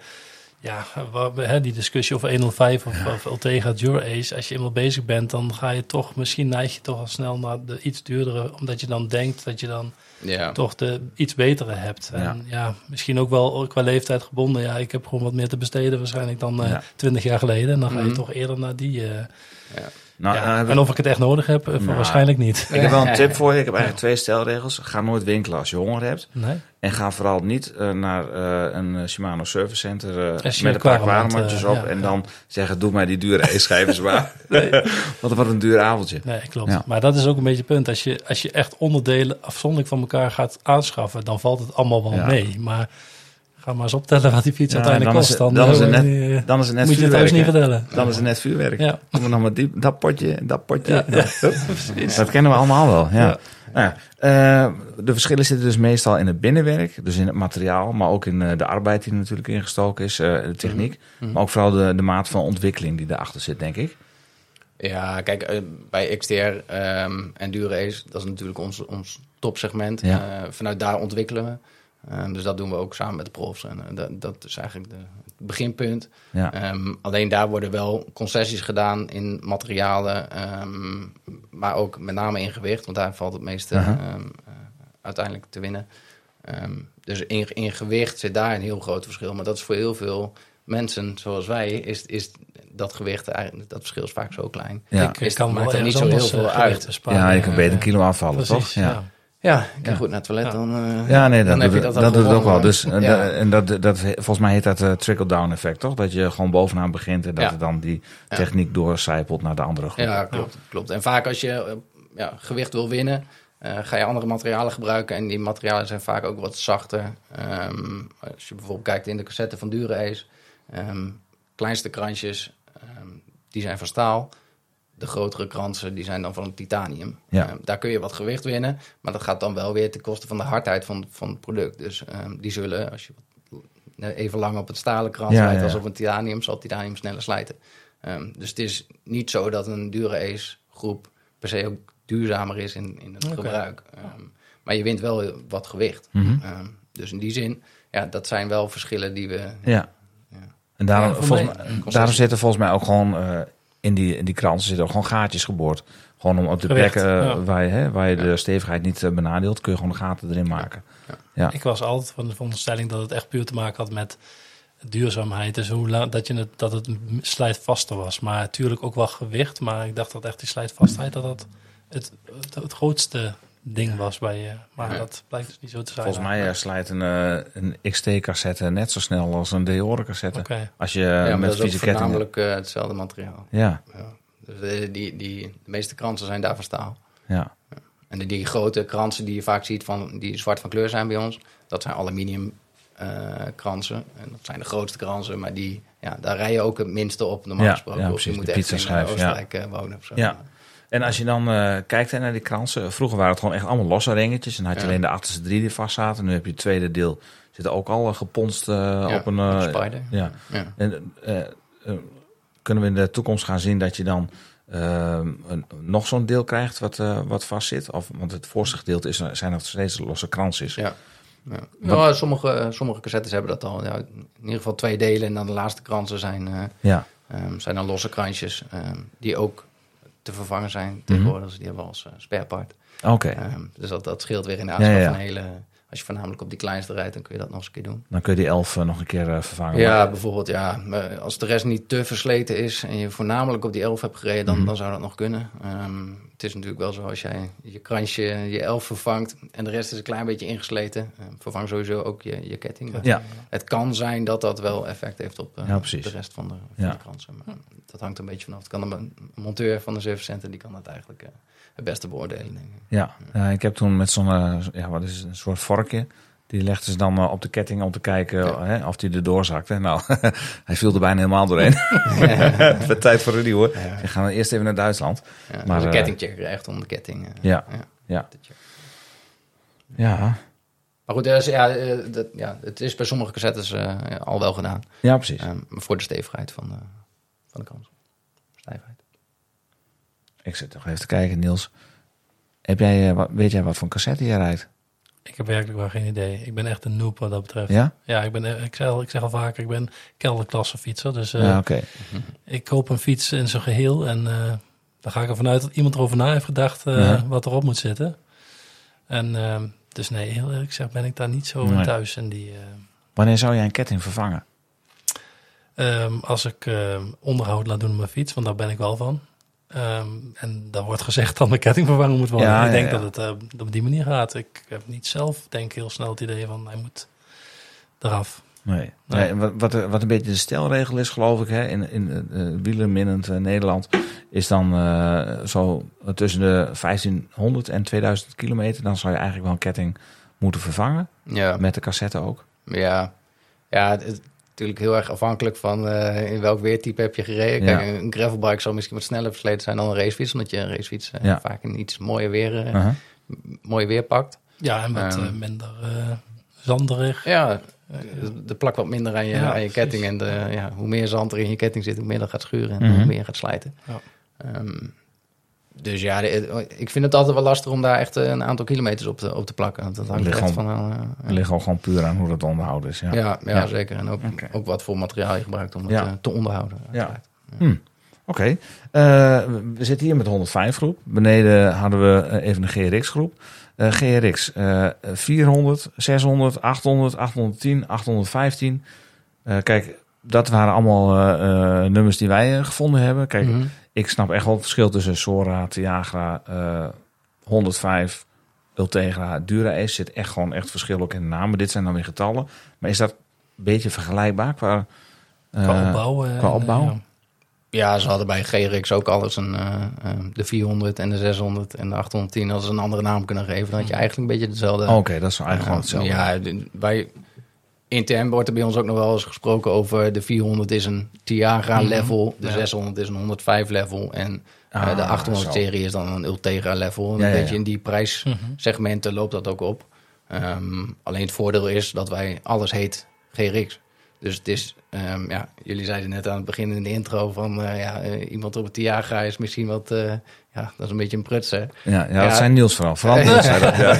Nee. Bij GRX heb je dat niet. Je kan niet meteen zien of iemand een 400-serie Nee. erop heeft. Nee. dus, dus dat verschil is, is er niet. Ehm, het enige wat diegene die dat heeft gekocht, eh, die kan een keuze maken van... Hey, ik wil GRX eh, 815 met DI2 of ik wil GRX 600 eh, als shift. Dus eh, daar, daar kan ik dan bijvoorbeeld wat, eh, Ja, een keuze in maken. En dat Ja. gaat misschien ten koste van wat prestaties, maar dat is voor mij prima. Maar dan is, het, dan is het uitwisselen van verschillende onderdelen ook wat makkelijker te verkopen, zeg maar. Ja, ja.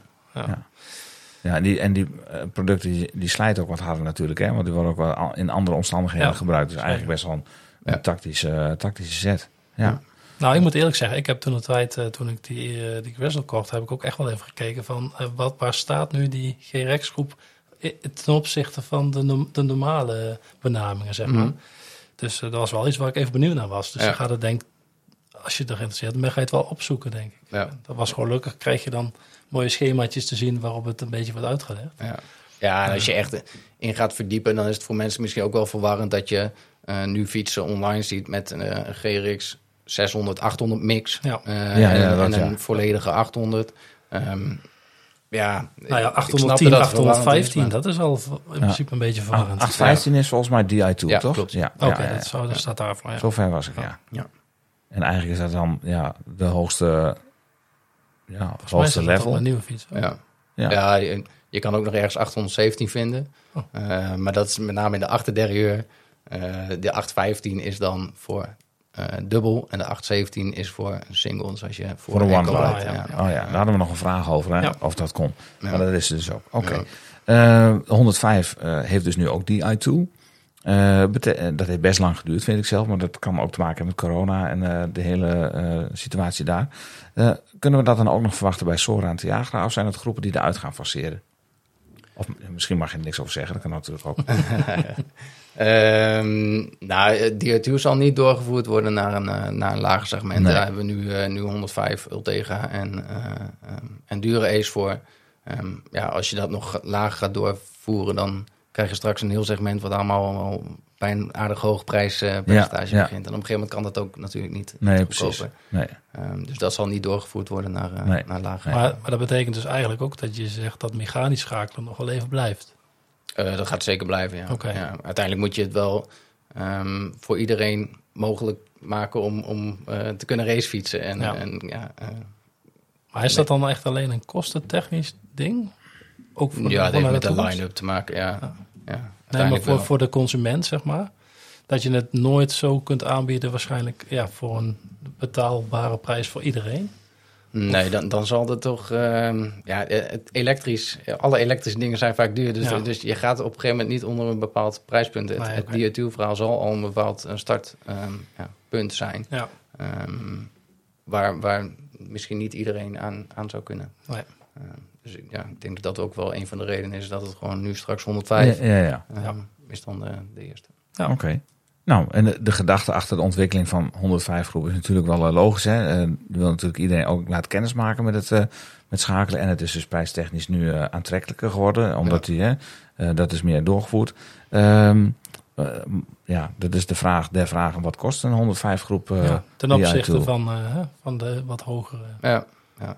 Ja de, de 105 groep eh, hebben wij een adviesprijs van 1729 om exact te Zo, zijn. zo, Dus, zo, eh, zo. Die Dat is de adviesprijs die wij, eh, die wij in de markt zetten. Moet ik wel bij zeggen, zonder, zonder schijven en bottenbrekken. Dus het is puur de groep. Ehm, Dus die moet je dan nog, dan heb je wel de remklauwen, heb je wel, maar de Ja. schijven die moet je dan loskopen. Ja, die doen we er bewust niet in, omdat het voor ehm, de gebruiker uiteindelijk, daar kun je nog een keuze in maken. Dus Ja, als je al een groep koopt en er zitten 240 bladen in, maar je wil eigenlijk 140, 160 bijvoorbeeld, Ja. ja, dan kun je die keuze niet meer maken. Zie je minder. Dus daarom zit het er niet, eh, niet bij in. Ehm, en proberen we zo op die manier een zo goed mogelijk Ja, ja, ja, ja. met de groep Ja. te kunnen. En dat maakt het natuurlijk ook eh, prijstechnisch interessanter. Omdat de prijs wat lager ligt. Ja. Nee, ik snap dat wel. nou, dat dat is dat je nog iets extra moet uitgeven. Jawel, maar Maar goed, heb je wel maakt de kans niet om meer uit. eh, mooie dure schijven erbij te kopen. Ja, ja, ja. Oh, het komt allemaal weer terug.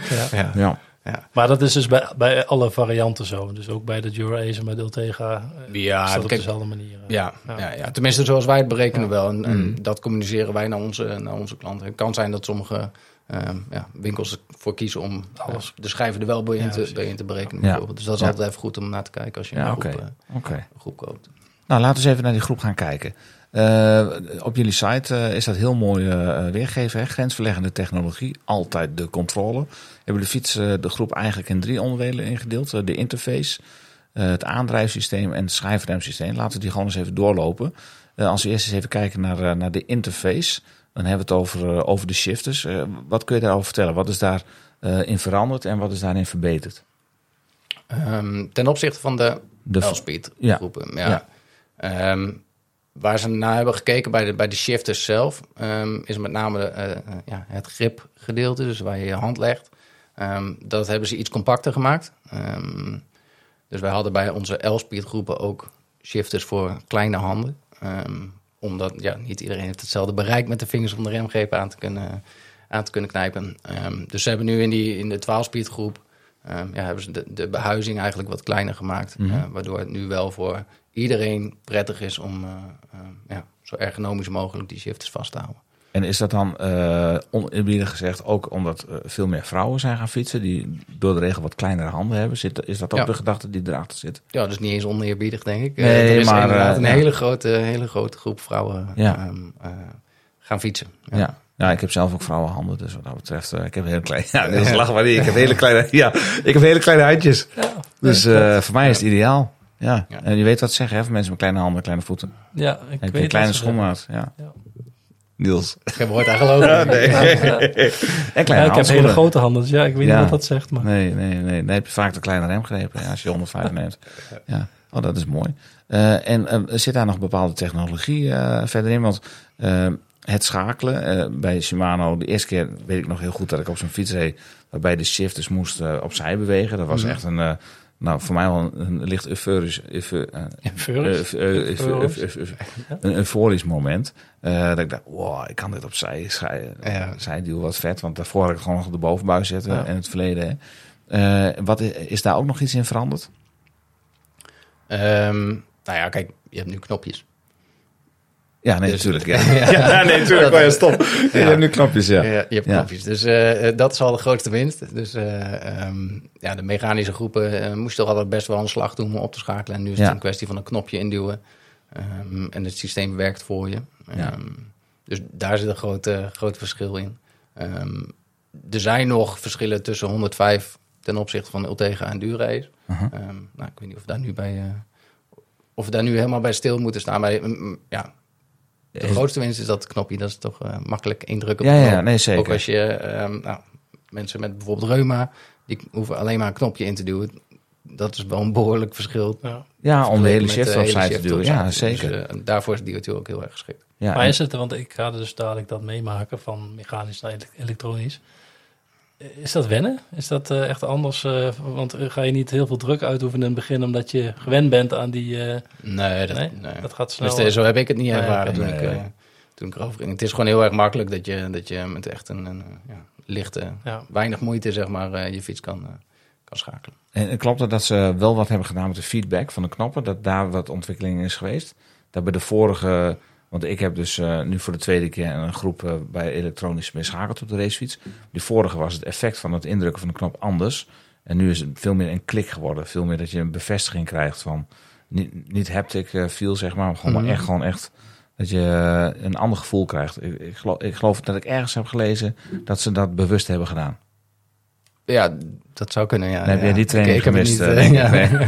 Nee. dat was ik even ingedut. Ja, nee, dat zou kunnen. Nee, dat eh, gevoel is anders namelijk. Of dat de knoppen groter waren geworden, of dat er meer profiel op zat. Ja, ze zijn ietsje langer geworden. Maar dat is met name weer omdat die shifters wat compacter en Ja. ook dus voor kleine handen, dan hoeven we die kleine handen shifters niet meer te maken. Nee. Dus, dus eh, de knop zelf is wat, wat langer geworden, Mhm. maar echt de feeling van de knop, ja. eh, ik heb het niet gelezen, maar het zal ongetwijfeld zo. Nee, oké. kunnen zijn. Ja, en ik denk dat eh, bijna elke fietser het wel eh, eh, ook kan wel, hè, dit wel kan delen. dat je van die beschadigingen hebt aan je shifters aan de buitenkant. Ja. Doordat hij even langs een muurtje gleed of ja, om, Ja, of, omviel. Of gewoon over de straat heen. ja, of dat je Ja. gewoon even hè, sliding in through the weekend. Was Dat gevoel. dat gevoel, ja. Zijn ze, nou ja, hufte-proof? Eh, Kunnen ze tegen een stootje, de shifters? Ja, kijk, die gebruikersschade, die, eh, die, die ga jij denk ik niet voorkomen... tenzij je je fiets Nee. op een andere manier tegen een muur aan gaat zetten. Eh, bijvoorbeeld met je achterband. eh, of, of ja, met je zadel. Of, eh, maar goed, dan krijg je weer schade op je zadel. Dus eh, eh, ja, die, die schade op de shifter, wat er onderaan zit... Ja, dat ga je niet helemaal voorkomen. Dat, de meeste Nee. shifters staan een klein beetje naar buiten. Dus ja, eh, Ja, dat- ik, ik denk niet dat je die gaat voorkomen. Nee, oké, oké. Nou, dat, en dan hebben we het hè, even fysiek over de shifter. Eh, Mhm. Ze zijn dus wat kleiner. Je kunt hè, met de knoppen kunnen indrukken. Eh, De techniek die daarin zit, hè, het, het, eh, het aansturen van je aandrijfsysteem. Ehm, daar heb je een app voor nodig, geloof ik, de eTube-app. want je kunt ook zaken als SynchroShift instellen. Ja, ja. Moet ik even uitleggen wat dat is. De app, hoe krijg je die werkend? Hoe zorg je ervoor dat je... Ehm, nou, het, het brein van, van de hele diethylgroep ehm is bij de 12-speed groep in ieder geval is je achterderrieur. Ja. Ehm, ja, daar zit alle, alle techniek in en daar zit ook het knopje om te kunnen verbinden met, eh, met je app. Daar zit Bluetooth in eh, en ANT Plus. eh, om te kunnen verbinden met je, met je telefoon. Ik zie, ik zie het hier zelfs. Ik heb de fiets hier. Ik heb de fiets hier naast me staan. Maar er zit hier inderdaad eh, er zit een klepje eh, onderaan. Die kun je volgens mij ook open doen en dan kun, je, kun je hem opladen. Dat is voor het opladen. Dat is voor het opladen.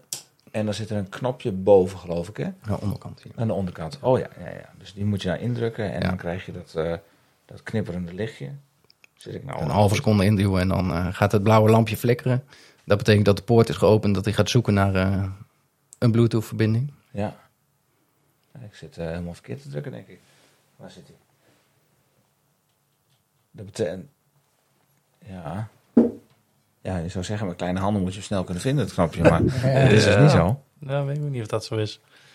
Oh ja, hij knippert. Hij Ja, knippert. kijk. Dus dat betekent dat hier al een, eh, een ontvanger in zit. Dus Ja. bij, bij deze groep heb je dus niet zo'n eh, zo'n fly... eh, D-fly, Zo'n ja. D-fly heb je daar niet bij nodig. Nee, nee. mensen die eh, nu een L-speed DI-groep hebben eh, en die dit ook zouden willen, het is mogelijk. eh, maar dan zou je inderdaad een D-fly moeten hebben. Ehm, die zet je eigenlijk, ja, maakt niet uit waar, tussen je, tussen je kabels. Ja. Ehm, en dan is het ook mogelijk om met je junction ehm, ja, te kunnen verbinden met je telefoon. Oké. En is dat eh, iets wat je makkelijk zelf kan doen? Want volgens mij heb ik eh, binnenkort zoiets nodig. Ja, ja, ja, je kan het prima zelf doen. Ehm, het maakt op zich niet heel erg uit waar je hem plaatst. Eh, het enige wat je nodig hebt is dus die D-fly Mhm. ehm, en een extra kabeltje, want je gaat hem ergens tussen zetten. Ehm, dus wat de meeste, meeste mensen doen, ehm, is hem of bij je in je bracket leggen, eh, dus net boven je bracket eh, ehm, eraan koppelen. Niels, weet je wat een bracket is? Je trapas, excuses. Ja, de trapas. Ja, ja, oké, nee, geen probleem. Nee, ik vraag het gewoon even. Ja, om hem daarin te verwerken, eh, eigenlijk leg je hem er één keer in en dan hoef je er niet meer naar te kijken, omdat je toch de, ja, de poort opent met het knopje op je junction. Die zal bij jou in je stuurbocht zitten. Ehm, ja, dus dat is in principe, in principe zelf te doen. Bij je bracket is het misschien wat lastiger, omdat je, ik weet niet of je je fiets zal je compleet krijgen. Ehm, je zou het ook kunnen doen, bijvoorbeeld ergens rondom je stuur. Als je Ja. daar ruimte hebt, dan Ja. zou je hem ook uh, daartussen kunnen leggen. Maar dus wel bekabeld allemaal. Ja. Ook nog. Ja, het is nog niet. Ja. eh, het is, Ja, ja. Nog niet, ja. Ja, dat zal ongetwijfeld niet, een keertje kunnen gebeuren. Maar hè, draadloos, dat zien we natuurlijk wel bij andere merken. Eh, Ja, dus dit ook wel, hè, deels. deels. Waar, waar zit het eh, deels draadloos dan in? De shifters communiceren draadloos met je achterderieur. Oké. Uh, dus je achterderieur zit nog uh, bekabeld samen met je voorderieur aan je accu. En je accu zit dan in, uh, in, de, stuur, in de zadelpen. um, dus er lopen twee kabels naar je zadelpen en daar zit de accu. Uh, en dat is het enige wat nog bekabeld is bij onze groepen. Dus dat scheelt wel nou, scheelt een uurtje, denk ik. ja. bij het opbouwen. Ja. Um, want je hebt echt wat minder kabels te trekken. Uh, en de, dus de shifters zijn allebei uh, volledig draadloos. Maar dan hebben we het dus over die nieuwe groepen, die 12 Ja, nieuwe 12. Bij jou ja. is het geval dat je echt uh, inderdaad een kabel ja. door je frame gaat. Ja. ja. Dat is denk ik toekomstmuziek, Niels. Dat zal vast nog wel een keertje komen. Dat lijkt me wel. Dat toch? lijkt me wel, Dat ja. lijkt me. Uh, als we dan kijken naar de shifters, hè, want ik heb hier dus uh, ik heb hier zelfs een oplaadkabeltje ergens liggen. Uh, dat is met zo'n blokje. Ja. Ik moet zeggen dat die vroegere junction box die dan hè, in je stuur verwerkt zat, moest je altijd eerst kijken van kleine, ja, dat kleine ja. priegeldingetje, heb ik hem op de kop of wel goed. Dit klikt er haast een beetje aan met een soort magneet. Dat is ja. wel heel fijn, een stevig kabel ook. Klopt. Dat betekent dat ik mijn derieur, hè, dat ik dat gedeelte kan opladen. Um, of via de derieur naar de batterij kan opladen. Maar de shifters, daar zitten dus dan denk ik batterijtjes in. Hoe, lang, hoe lang gaan die mee? Ja, lang. Lang. Het enige wat die doen is een, uh, is een elektronisch pulsje geven naar je achterderieur. En je achterderieur doet het werk. Um, dus er zitten bij 105, 105 um, zitten er twee knoopcelbatterijtjes per shifter in. Um, bij Ultega en Durace is dat er maar één. Maar bij 105 zitten er twee in. Dus je gaat heel erg lang met die batterijen. Ook weer een beetje afhankelijk van het gebruik. En wordt die ja, koud weggehangen bijvoorbeeld in de winter. wij geven aan dat het wel drie jaar okay. uh, ja, levensduur heeft. Ja. Uh, het is een 1632 type batterij, dus CR 1632. Um, wij kennen allemaal al heel veel de 20. Uh, 32 is dat geloof ik. de knoopcel. Ja, de ja. knoopcel. Um, dit is een iets andere maat, dus ja, even googlen en dan vind je hem vanzelf wel. Maar het is makkelijk te vervangen gewoon. Ja, het is makkelijk te vervangen. Het is, uh, um, je, je moet je kapje omhoog doen, schroefje losdraaien en dan kun je, hem, uh, oh, okay. kun je ze vervangen. Oké. Okay. maar het moet wel een 1632 zijn. Ja, ja, ja. ja. oké. Okay. Uh, en als ik dus uh, een, een L-speed variant heb, en Mhm. ik heb niet die derailleur met knopje achterop, dan heb ik dus die, eh, die nodig om Ja. hem te kunnen besturen. Oké, nou, eh, deze is dus eh, via de app, eh, de YouTube-app, te besturen. Mhm. Eh, ik moet het blauwe lampje hebben, dus je gaat gewoon Bluetooth contact maken of aan plus. Ja. Wat kan ik dan allemaal instellen? Is dat hetzelfde als bij de Ultegra groepen en de Dura Ace groepen? Dus semi en synchro shift bijvoorbeeld? Ja. Ehm, ja, het is sowieso handig om eerst de app te downloaden. Ja, Als, je, als je die ja. nog niet hebt. Dus dat, eh, dat is EQ Project heet het. EQ Project Cyclist. Eh, dat is eigenlijk de app die je, die je gebruikt voordat je gaat fietsen om, om bepaalde instellingen te veranderen.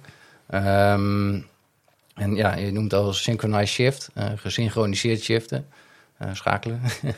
Veel Engels zit erin. Nee, dat, onze luisteraars kunnen dat waarderen hoor. ja? ja, ja, Ja. zeker wel. Zeker. Ehm, ja, zo, jullie moeten af en toe ook je dialect vertalen. En Nee, nee, zeker. Ja, we worden ook ondertiteld. Nee, dit gaat helemaal de verkeerde kant op. Ja. Nee, zeker. Ja. Ehm, nou ja, het gesynchroniseerd schakelen ehm, betekent eigenlijk, normaal gesproken, ehm, we hebben daar twee versies in. Ik zal proberen het zo goed mogelijk uit te leggen. Ja, Eh, we hebben twee versies in. We hebben eh, volledig gesynchroniseerd schakelen en we hebben semi-gesynchroniseerd schakelen. Het semi-gesynchroniseerd schakelen is eigenlijk als jij je voorblad van groot naar klein legt, dan moet je eigenlijk bij jouw ja, mechanische groepen doe je automatisch al een aantal correctiestappen achter. Want als je van voor van groot naar klein gaat, dan zit je opeens op de koffiemolen. Ja. Ehm, en om dat weer recht te trekken, doe je eh, met je cassette achter, zet je hem ietsje zwaarder en dan is die stap wat minder groot. Dus dan kan je eh, weer doorfietsen. Eh, bij semi-gesynchroniseerd schakelen doet hij dat automatisch. Dus op het moment dat jij je linker shifter bedient, je gaat van groot naar klein, gaat hij achter automatisch die correctiestappen doen. Eh, op die manier voorkom je eigenlijk, eh, dat doet hij in diezelfde beweging, dus je, je merkt er eigenlijk bijna niks van. Mhm. Ehm, ja, voorkom je dat je opeens op die koffiemolen Ja, zit. ja. Ik vind dat een hele fijne functie. Want ik hoef niet meer over na te denken dat ik, eh, hij doet gewoon op het moment dat jij op die knop drukt, gaat die auto achter al automatisch dat schakelen.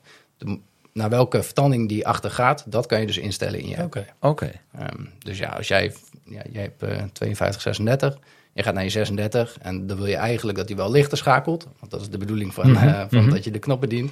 Ehm, dus je wil ja, dan ook dat die stap weer niet te groot is. Dus dan kan je precies zien in de app van hey, wanneer. Ehm, dat wordt gemeten met omwentelingen. ehm, hoe heet dat? eh, meters per omwenteling. ja. ja. Ehm, dus waar is die stap? Wordt die stap nog wel gemaakt? Dan ga je wel lichter schakelen, maar is die niet te groot? En zo stel je dat in. Ehm, Maar is ook een kwestie een beetje van ervaring opdoen nou ja, je kunt eigenlijk precies zien als jij eh, lichter schakelt en ehm, eh, het was bijvoorbeeld een meter ehm, per omwenteling en het wordt opeens, het wordt dan minder, hè, denk ik. Ja. ja. Ehm, het wordt opeens een half meter en dan is die stap heel erg groot. Dus dan, dan ga je wel die koffiemolen doen. Ja. Eh, en je kan dat precies zien als je van een meter gaat naar ehm 97 centi- Ja, ja. eh, centimeter, dan is die stap weer heel erg klein, voel je hem weer niet. Dus Ja. je kan daar precies zien van Ja, hey, wat, we- wat gaat het je. wat subtieler. Ja, anders eh, Ja. krijg je in dat je denkt, eh, dat krijgt en dan, dan schiet vaak de ketting eraf. Eh, tenminste, dat was mijn ervaring. Als ik dan verkeerd schakelde en ik schakelde met druk op de pedalen, Mhm. dan, dan klapte dat allemaal. En dan af en toe nog, dan hoor je dat heel harde klunk. En dan Ja. denk ik, oh, gaat het allemaal maar goed? En, maar ja, daar hoef je hier niet meer bij na te denken. nee, Dus, eh, kun, je- kun je gaat druk blijven uitoefenen tijdens het schakelen? Ja. Dus het is niet meer zo dat je in het verleden moest je even je benen stilhouden, ketting goed en dan... Of is het ook een... een eh, nou, bij Ultegra en Dura-Ace is dat nog minder, want er zit een bepaalde technologie in de, achter, of in de cassette, ehm, die ervoor zorgt dat je zowel onder druk op als af kan schakelen. Ehm, bij deze zal je bij het afschakelen zal je misschien nog wel af en toe wat voorzichtiger eh, zijn, Ehm, maar bij het opschakelen ja, is dat geen enkel punt. nee, nee. Ja. Je kunt gewoon doortrappen. Oké, ja, want de ketting valt toch al naar beneden. Dus eh, Ja. ja, oké. En dan heb je nog volledig gesynchroniseerd Ja. schakelen. Ehm, en dat is eh, wat bijvoorbeeld bij nu tijdrijden veel, eh, veel gebruikt wordt. eh, omdat ze niet anders kunnen. Ze liggen dan in hun, in hun, in hun beugels. Mhm. en ze hebben twee knoppen, op- en afschakelen. En die gebruiken ze dus voor de achterderieur. Ehm, maar op het moment dat zij ja, dus op de grote plaat voor liggen... en achter gaan ze steeds lichter, steeds lichter... Ehm, en ja, op een gegeven moment houdt die cassette een keer op... Eh, dan willen ze eigenlijk nog lichter. Dus als je dan nog een keer drukt, dan gaat hij dus automatisch je voorderieur bedienen. Want zij hebben geen knop voor je voorderieur. Ehm, dus ik denk dat ik op die manier Ja, ja, ja. het beste kan uitleggen. Ehm, je hoeft je voorderieur niet te bedienen. Nooit. Dus op het moment dat jij opschakelt ook weer, je, gaat, eh, je hebt eh, geklommen, en je gaat weer de afdaling in, je gaat opschakelen, gaat hij dus ook automatisch weer van klein naar groot om die afdaling te kunnen doen. Ehm, en dat is wel een, ja, dat is een hele mooie functie. Ehm, dus kun je ook gewoon gebruiken als je niet op je tijdrit eh, stuur ligt. Ehm, maar dat, die vraagt wel wat eh, gewenning. Dus dan Ja. is het toch wel prettig om wat meer kilometers. Want je weet nooit precies op welk punt gaat hij nou. Ja, dan moet je precies weten, zit ik op de 16 of niet? Ja, ja, ja. een beetje Ja. afhankelijk van waar je hem instelt.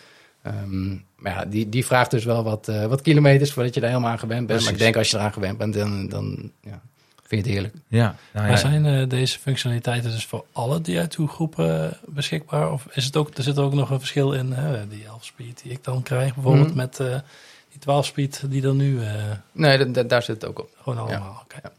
En dan hebben we nog de knopjes bovenop de shifters, denk ik, bovenop de hoed. Ja, bij 105 alleen helaas niet. Oh, daar zit, dat zit Nee. daar dus niet op. Nee, nee. Die, die knopjes die, ehm, ja, die zitten er niet op om ruimte te hebben kunnen maken voor die extra batterij die erin zit. Oh ja. Ehm, dus uiteindelijk is de levensduur ehm, voor, voor de shifters van 105 belangrijker dan het extra knopje.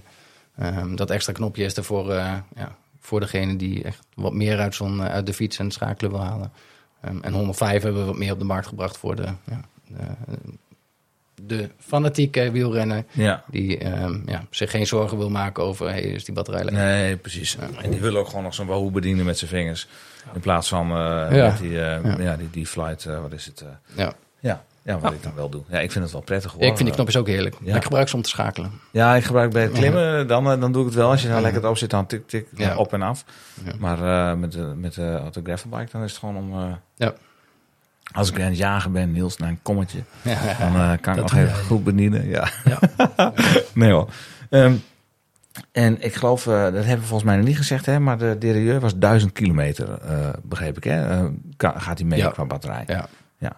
Volgens mij was dat ook het advies bij die 12-speed groep van, van Ultegra op de racefiets. Ik heb de hele ride gereden, Mhm. 1300 kilometer.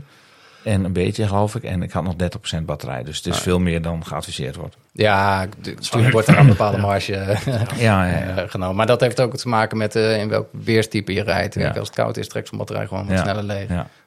maar ook hoe vaak je de voorderieur bedient. Bijvoorbeeld, daar die motor vraagt gewoon meer stroom dan je achterderieur. Ehm, dus als jij heel veel voorschakelt, ja, dan zal die misschien wat eh Ja, ik sneller heb hem leeg denk ik... Maar thuis eh, het is wel gewoon, dat moet je altijd kunnen halen. ja, Ik heb je toch op foto's zien staan met een eh, warmtedekentje om je heen. Nee, ja, toen was het heel Dus, koud, eh, ja. ja, dus- Ja, toen was het wel koud. Ja, dat klopt, dat klopt. Eh, Het regende ook een beetje. Toen regende het vooral, ja. Nee, maar ik denk dat ik per dag eh, drie keer de voorderieur bediend heb. ja. Tijdens drie keer klimmen en drie keer eh, eh, naar de grote blad voor de afdaling. Eh, dus zo vaak was het niet gebruikt. Dus dat kan het ook wel verklaren. Ja, Eh, goed, eh, aandrijfsysteem. Eh, dat ziet er altijd heel mooi uit. Hè? Eh, je ziet dan eh, het voorblad en de cassette en de, de ketting en vooral de derailleur. Mhm. Dan zie ik dat je twee typen vertandingen hebt. De, de, de klassieke 5034, ook wel de compact eh, geloof ik. Hè? Ja. En de 5236. eh, eh, wat zit hierop? 50, 34. 5034. Ja. Oké, is, is toch... 52, 36 eh, eh, zit er nog aan te komen. Is nog niet, eh, nog niet uitgeleverd. Eh, maar zal dit jaar wel gaan komen. Oké. En wat dan ook heel herkenbaar is, want volgens mij herken ik eh, eh, de, voor, de voorloper van die Ultegra groep. Dat dat krenkstel er ongeveer hetzelfde uitziet als de vorige Ultegra. Klopt dat of niet? Of is het gewoon Mm, nee, het is helemaal- wel een volledig nieuw ontwikkelde. Ja? Ja. Tenminste, Die- ja, die vorm doet mij denken aan een eerdere, of een, wat, wat in het verleden al eerder op Dura is zat bijvoorbeeld. Ja, ja ik, ik- snap wat je bedoelt, maar het Is is, het wel dus niet zo, oké. nee. Hij komt, in, hij komt alleen in het zwart? Ja. Zou er nog gevraagd worden? Ja, dat vind ik wel, eh, dat vind ik wel mooi. Dat vind ik wel stylish. Ja. Ja. En die 1134 eh, is nu in de markt eh, verkrijgbaar. 1136 zit er ook aan te komen. Oké. En dan is het dus mogelijk als jij een compact hebt, 5034, om achter zelfs met een 1136 te rijden. Dus dan heb je achter 36 en voor 34. Nou, Nou, dan kom je elke call boven. Ja. Maar dat kan, die kan dus niet bij de 5236. Eh, ja, dat kan. Oh, sorry. Ja, ja, Ja. oké. ja, ja. Maar die hebben we nog niet. Nee, nee, precies. Dat kan. Maar dit kan ik dan ook, eh, die cassette zou ik eventueel met ketting op de Ultegra groep kunnen zetten. Nee, Oh nee, want dit is natuurlijk eh, geen 12-speed. Dit is 11 dit is wel 12 speed. Oh ja, wel. alleen jouw 1136 is een vertanding die, die echt voor 105 12 speed is gemaakt. Oké. Dus de derieur van de 105 12 speed groep is net ietsje langer. Oh, dit is een langere kooi. Ja, dus die heeft, die heeft iets meer bereik Ah, ehm, ten opzichte van Ultegra en Durace 12 speed. daar zit ook een groot verschil natuurlijk. Ja, dus de kooi is ietsje langer. ehm, dus ja, je gaat die 1136 dan niet op je, Dan moet je Nee. wel 34 pakken. Nee, ja, dan, dan koop je waarschijnlijk ook niet zo'n fiets eh, met zo'n eh, met zo'n groep, eh, denk ik. Dan moet je, ja, je wilt toch, ja, je moet toch een beetje kunnen klimmen, toch? Ja, meer trainen. Dat meer optie, trainen, ja, Nee, ik snap dat dit meer ook een instap... eh, mo- of, nou, Nou ja, het is wel instap, om hem ja. wat, wat ja, geschikter te maken voor een groter publiek. Ja, dat bedoel Eh, ik, En ook voor de, de, ja, de fanatieke wielrenner die, eh, die het nog een beetje aan het ontdekken is. Ja. Ehm, of of ja, iemand die toch een heel licht verzet eh, graag wil om op de koffiemolen omhoog te kunnen. Ja, nee, nee zeker, zeker. Ik heb die eh, hard nodig. Ja, geeft niet, Niels. Nee. Dat geeft helemaal niet. En we hebben hier ook een vraag over gekregen van eh, Martine Broer. Die zegt, kun je een, kan je een Klaris, die rijdt met Klaris. Eh, Mhm. Ik ken dit helemaal niet hoor. dat is 8 speed. Oh, dat is 8 speed. Oh, oké. Eh, nou, weer een nieuwe. Eh, kun je die ombouwen naar een 3046? Of moet je daarvoor drie bladen hebben in plaats van twee? Eh, dan moet je drie bladen hebben, ja. Oké, dus eh, Martine, je moet drie bladen hebben en dan kun je de Klaris ombouwen naar 3046. Bestaat dat eigenlijk nog? Oké. Ja. Oké, ja, ja, ik, ik weet dat vroeger, toen ik begon met, met fietsen, was je helemaal de man als je 27 versnellingen had met drie bladen voor. ja, Maar ik zie dat Nee, in nooit, die groepen bestaat meer. het inderdaad nog. Ja. Dus eh, de triple is daar nog wel, eh, Ja, nog oké. wel in beeld. Ja, oké. Ja, ik vraag me of deze vraag eh, klaar is. Eh, goed, Maar- sorry. Ehm, dan eh, de, aan, de aandrijver, de voordelieur. Die ziet er ook iets anders uit. Heeft er meer, eh, eh, voor, ja, misschien zeg ik het eh, een beetje oneerbiedig maar is het een beetje een, een plastic een, eh, omhulsel. Het voelt Mhm. wat, eh, wat goedkoper aan dan de Kunststof andere. hè? Ja, nee, nou, kunststof, kunststof. en hij is wat ranker, heb ik het gevoel, wat minder robuust. Nou, hij is eigenlijk hetzelfde als onze L-Speed ehm DO2 voordelieurs. Dus die motor die erin zit is, eh, is gelijk aan de L-Speed die we al kennen. Uh-huh. Ehm, en daar, daar is geen verschil in gedaan. Het enige wat het verschil is, als je kijkt naar de dure Ace L-Speed, ja, zat er een iets glanzender kapje op. Ja, ja, ja, ja. ja. Die vond Ja. ik er zelfs meer plastic uitzien dan deze. Deze heeft een mooie matte, Oh, matte finish. Ja, nee, hij hij een hele mooie matte finish. We Ja. willen hem even laten horen ondertussen.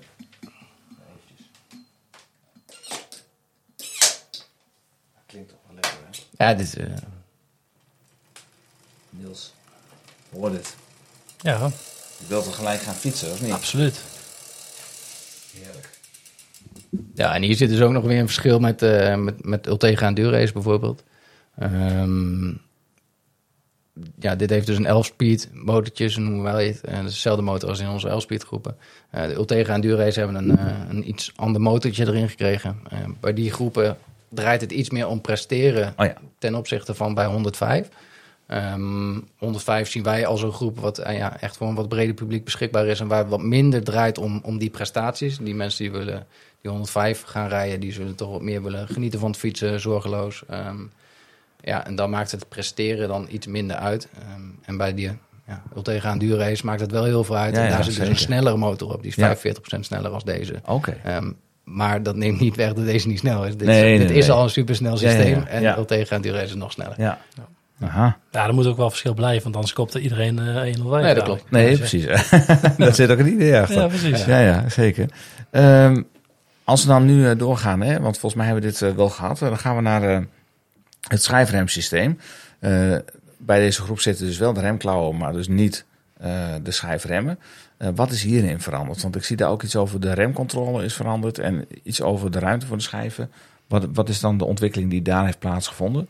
Ja, wat, wat wij nog wel veel terugkregen ehm, bij onze groepen voordat de 12-speed uitkwam, ehm, is dat, is dat ja, de schijf nog wel regelmatig aanliep als het een beetje plakkerig eh, regenweer was. Ehm, dus wat ze hebben gedaan is net iets meer ruimte gecreëerd tussen de remblokjes en, en je schijf. Eh, dat is 10% meer. Ehm, en ja, ja, jij fietst er ook mee, ik fiets er ook mee. Ehm, op GRX zit het ook. Ik, ik merk het. Dus ik merk echt dat die, eh, als je net dat, niet als het, als, het, als het echt regent, maar als het gewoon geregend heeft en de wegen zijn nog nat, Ja. ja. dat opspattende zand, ehm, je hebt veel minder dat het er echt aan gaat lopen. Op het Ja. moment dat je gaat remmen, merk je het natuurlijk altijd, maar gewoon puur door normale fietsen, ehm, ja, ik Ja, Ja, merk ik, gewoon ik, wat minder. heb, ik heb er ook wel echt last van op Ja. mijn Grizzle. ja, het eh, irriteerde mij ook enorm. Ja, Ja, ja. En inderdaad, als dan iets, hè, zand, dan hoor je dat, dat sling, Ja. sling, Ja, dat, ja, dat, precies. dat geluidje. Ja. Dan moest je weer gewoon tijdens het eh, fietsen even een beetje aanremmen, zodat het weer... Ja, eh, en dan hoor je weer... Ja. Ja, dat, ja. Oh, er komt ook iemand aan op een fiets met schijfremmen. Ja, dat. Maar de- dat zit dus hierop. Dat, eh, Hoor ik er nou goed zeggen dat het ook al op de GRX-groep zit? Ja. Oké, ja. dat is op de achter. Ja, Mooi zo. Ja. Eh, en de remcontrole, heeft dat dan te maken met eh, de verdeling van de olie die dan door de leidingen gaat? Ehm, Of- meer met het, eh, aangrijpmoment. Het aangrijpmoment, Ehm, Ja, eh, ehm, Ultegra en Dure Ace hebben er nog een bepaalde technologie extra bij in ten opzichte van, eh, van, van de 105-serie. dat heet ServoWave. Ehm, dat komt vanuit onze mountainbike-technologie Mhm. over. Ehm, ServoWave zorgt ervoor dat je eerder een aangrijpmoment hebt van je remblokken op je schijf. Dus dat je eerder beter controle uit kan voeren op, ja, op je remkracht die je uitoefent. Ah. Ehm, dus, en dat is ook weer vanwege die prestatiebevorderende Ja, ehm, ontwikkelingen. Ehm, meer remcontrole. Dus je staat eerder stil. Je hebt beter controle over eh, hoeveel je afremt. Nou, bij nou moet- 105 zit die technologie er niet in. Maar ze hebben er wel voor gezorgd dat je ja, de, de slag ja, net iets beter is in- ingeregeld zeg maar, dan ten opzichte van de Elspeth. Ja, juist. Oké. We kunnen dus vaststellen dat er in, de, hè, in het wielrennen zijn er nog steeds wel prestatiebevorderende middelen. Alleen die zijn nu technisch en vooral ja. veiligheidsgerelateerd Ja, van aard. Oké, gelukkig. Laten we daarbij houden. Ja. Eh, dus op die manier mag het wel. Ehm, even zien hoor. Eh, de remblokken, omdat er meer ruimte in zit natuurlijk. Hè, zijn de remblokken dan ook anders? Zijn die dan dunner? Nee, Dus het zijn dezelfde remblokken. de- Oké, oh, dat is gewoon helemaal hetzelfde. Daar heb je wel verschillende types in natuurlijk. Ehm, verschillen in materiaal, eh, met of zonder koelwin. Eh, maar dat zijn wel dezelfde als die we, die we al hadden voor onze Ja, juist. eh, voor onze Oké. En wat vind jij nou het grootste verschil eh, met deze nieuwe 105 groep ten opzichte van Ultegra? Ehm, ja, als je het allebei over 12 speed hebt, ehm, vind ik Ultega wel echt een, ja, een, een echte prestatiebevorderende groep. Daar zitten echt wel een aantal ehm, eh, technologieën in die ervoor zorgen dat je eh, meer controle over het remmen, Mhm. meer controle over het schakelen, ehm, eh, waardoor alles net wat sneller en soepeler wil ik niet zeggen, maar je hebt daar een aantal aanpassingen in. Ehm, dus het zijn wel technische aanpassingen die er in de Ultegra-groep zitten. 105, ehm, ja, het heeft altijd een, een, instapniveau. We hebben het ook al een paar keer gezegd. Ja, ja. Ja, ik vind 105 echt geen instapgroep meer. Nee. Ehm, met name door de toevoeging van DI2.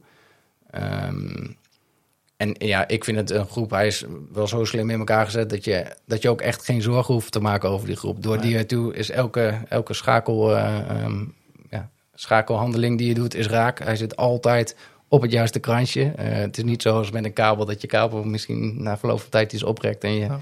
Tussen de versnellingen gaat zitten. Daar heb je geen last meer nee, van. nee, nee. Ehm, dus dat DO2, dat, dat voegt gewoon zoveel toe aan, aan deze groep. Ja. Ehm, dat het echt een, echt een prachtige groep is Ja, geworden. zeker. En, en ook als je hem vergelijkt met bijvoorbeeld Dure Ace 11 Speed, ehm, wat altijd onze, onze topsegment is Ja, geweest, ja, ja, ja. ehm, vind ik dat, dat in deze 105 groep zijn toch een aantal dingen weer vernieuwd toegevoegd. Ehm, ja, als je hem vergelijkt met die groep. Dan staat het eigenlijk op, één, eh, hè, op dezelfde voet. Ja, kijk, natuurlijk is dat niet zo Nee, met materialen maar- en... en eh, eh, De, de, am- de amateurfietser zal Maar geen verschil Als je hem merken. vergelijkt met elkaar, eh, ja, is er toch aan deze 105 groep eh, ja, weer nieuwe dingen toegevoegd. ja. Maar dan even terugkomend op eh, hè, mijn intro ook. Eh, als je voor de keuze staat, 105 of Ultegra, eh, Mhm. even, die, even die keuze makend. Ja. Ehm, ik weet niet wat het prijsverschil dan is. Eh, is. Is dat verschil dermate groot dat je eigenlijk met alle, ja, zonder Mhm. probleem ook gewoon voor die 105 kan gaan. En dan ook het gevoel hebt dat je dan... Ja, kijk, eh, er worden op deze 105 groep ook gewoon wedstrijden gereden. Dus eh, het is nog steeds een groep van dusdanig niveau waar je prima prestaties op kan Ja. neerzetten. En eh, dat, is, dat geldt gewoon ja, voor al onze drie, drie groepen eigenlijk. Ehm, er zit nou ja, soms 700 euro verschil tussen. Dus de Ultega groep is eh 2450 euro. Mhm. Ehm, ja, kijk, als je, als je de keuze ga je nu maken, en dat is eh, eerder deed je dat niet, of je die prestatiebevorderende eh, technologieën, Ja. of je dat het waard vindt. Ja. En dat is de keuze die je nu gaat maken. Maar Ja. als, ja, als je een fietser bent zoals wij eigenlijk Mhm. met z'n drieën zijn, hè, dan, dan is eigenlijk 105 genoeg. Ik heb ook een Ultegra fiets. Omdat 105 er nog niet was. Nee, maar ik heb eigenlijk Ultegra niet nodig. Nee, Eh, nee. als ik kijk naar hoe ik fiets, eh, ik fiets Ja. echt veel te weinig om, om Ultegra te fietsen. Ja. Ik kan zelfs de jager fietsen, denk ik. Ja. Maar eh, ja, ik wil het graag, graag die uit rijden. Eh, maar ik, ik zou prima met 105 uit de Ja. voet kunnen. Eh, Voor mij is het prestatiebevorderende is echt, eh, echt niet nodig. Nee. En dat extra verzetten kan ik ook wel gebruiken. Ja, ja, ja. Ja, nee, nee, snap ik. Die afweging zeker. En natuurlijk iedereen wil het beste van het beste. Hè, maar, ja, maar 700 euro, daar kun je Ja. ook eh, een- bijna een, een ander Nou, daar, setje kun je, eh, Ja. daar kun je Die schijven van halen, Ja, pedalen enzovoorts. Ja. Ja. Dus eigenlijk kunnen wij wel concluderen hier dat als jij met, bij een groep zit met de 105 groep die I2, maar ook eigenlijk wel met de, de gewone 105 groep, Zit je dan, ben je, goed. dan zit je hartstikke goed. Dan ben je Ja. echt niet kneusje van de groep. Echt Nee. niet. Nee. En laat allemaal gewoon de benen spreken. En wij Precies. ze dan maar gewoon af. Dat is ook, dat is ook helemaal oké. Ja. Oké, eh, nou, eh je hebt het over, hè, ik kan ook wel op de jager uit, eh, uit de voeten. Je hebt wel een gravelbike gekocht, zei je Mhm. eh, aan het begin van de uitzending. Ja. Ehm, Mechanisch. Mechanisch, Ja, mechanisch, ja. mechanisch. Ja. We hebben nog wel even een, een leuke route die je eventueel zou kunnen rijden. Want het is tijd voor de groeten van de week. En die komt deze keer van, me, van Joep Bimbergen. Een hele mooie nieuwe groete van de week in de omgeving van de mooie stad Haarlem aan de kust staat er klaar. Vanuit het mooie Spaarndam ten noordwesten van Haarlem fiets je naar het puntje van IJmuiden. Eh, vanuit IJmuiden fiets je richting Bloemendaal. Bloemendaal pak je uiteraard de enige serieuze hoogtemeters in de omgeving mee door het kopje van Bloemendaal te bedwingen. Vanuit Bloemendaal zak je af door de waterleidingduinen richting Langevelderslag. Om vanuit Langevelderslag door de bollevelden rondom de Keukenhof eh, te koersen naar de ringvaart die de Haarlemmermeerpolder omcirkelt. Vanuit de Haarlemmermeerpolder bol je rustig terug naar Spaarndam. En Spaarndam zeker een aanrader om een koude versnapering op het terras van de toerist te eh, nuttigen. Al met al zo'n 100 mooie kilometers om te fietsen. Nou, Joep, ontzettend bedankt. Ja, ik eh, moet super. zeggen, ja, ik zit naar het luisteren en eh, ik krijg, ik weet niet, spontaan zin in vakantie. Jij? Ja, zeker. Nou, ik, eh, ik heb afgelopen zomer heb ik een beetje in die regio gefietst. Iets, iets noordelijker, bij, Ja. richting Alkmaar. Aan de kust ook. Maar ja, dat is ook prachtig. Bedoel. We zijn hier natuurlijk het bos gewend. Ja. Maar die duinen, dat is ook absoluut super mooi om op in te fietsen. En ja, je kunt een uitstapje maken naar het strand. Hè. Prima strandje, hoor ik dan iemand, eh, iemand roepen. Ja. Maar eh, dan moet je weer het zout eraf spoelen. Maar eh, ik denk dat het wel in de duinen zal het wel druk zijn. Dat, is veel eh, fietsers. dat klopt. Je Moet beetje vroeg vertrekken. Ja, je moet vroeg vertrekken. Nou, eh, Joep, ontzettend bedankt voor het inzenden van eh, de groeten van de week. En heel veel succes met eh, het eh, trainen voor de home ride. Wat jij eh, gaat doen, had je ook aangegeven. Ten, eh, ten bate van het Ronald McDonald eh, Kinderfonds. Dus eh, mochten jullie eh, eh, Joep ook nog willen steunen, dan kan dat via een donatie. En dan, eh, we zullen een linkje plaatsen in de show notes. Wil je nou ook een groeten aanleveren? Doe dat dan via pedeleurs.nl slash... Nee, dat zeg ik verkeerd. Vriendvandeshow.nl slash pedeleurs. Ja, ik raak zo'n de. Van al die groepen van Shimano. Het duizelt me echt voor de ogen. ik snap jongen. het. Ja, dus eh Joep, ontzettend bedankt. En eh, laat vooral ook eh, een groeten achter. En dat mag ook met een spraakbericht erbij. Nou, dan nog even het laatste deel, onderhoud. We hebben het eigenlijk al het meeste wel van besproken. Maar één ding moeten we nog eventjes benoemen. We hebben het al gehad over Parijs-Roubaix. Ja. De Ronde van Vlaanderen, de Tourversie. Ja. Als je dus in hele smerige omstandigheden rijdt, hè, slecht weer, dan slijt alles wat harder. Mhm. Heb jij een beetje meegekregen hoe de tourversie van de Ronde van Vlaanderen was afgelopen editie? Eh, ja, ik, ik heb het eh, op een afstandje meegemaakt. Ik was zelf op vakantie. Maar ik zag inderdaad wat foto's voorbij komen dat het, eh, nou ja, Spartaans te noemen was. Ja. boos. Ja, ja, ja, ja. wij zouden ook een, een rit doen, een dag voordat de toerrit was met onze, onze, eh, nou, onze collega's. onze Belgische collega's hadden dat georganiseerd. Ehm, zouden we eigenlijk vorig jaar al doen, corona ging niet door. Dus nu hadden we weer een nieuwe, nieuwe, nou, nieuwe poging zouden we doen. Maar vanwege het eh, slechte weer, voor mij was het die, die vrijdag nog erger. Ehm, hebben ze het afgeblazen en eh, nu gaan ze eind deze maand.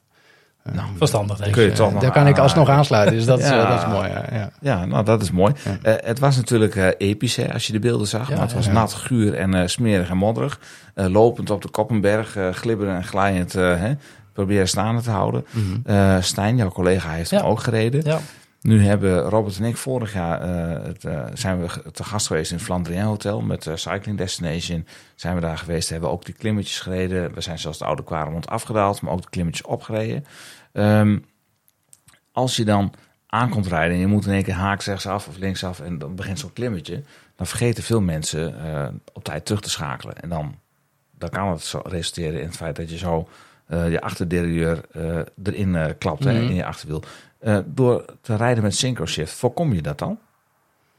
Ehm, nee, synchro, nou, synchro shift gaat dat niet voorkomen. Of het, eh, voor sorry, semi... eh, Ja, ja semi-synchronized gaat je natuurlijk wel helpen. Ehm, maar ja, eh, ehm, sowieso schakelen voordat je eh, het tegenkomt, zeg maar, is, is wel het beste, beste advies. Eh, Ja. eh, het systeem gaat je geen tip geven van je nu even schakelen. dat, dat gaat Dat is, niet de- dat is misschien de toekomst. Nee. Nee, maar Ja. ehm, kijk, je ketting zal er minder snel tussen slaan. En vooral met de technologieën die in Ultegra aan duurrace zitten. Het, het Hyperglide Plus verhaal, zodat je ja, zo onder druk op en Mhm. af kan schakelen. Dat gaat er echt wel voor zorgen dat je, niet, dat je je ketting er niet af, Nee. af schakelt. En ik denk dat die kans met DO2 sowieso vrij klein is.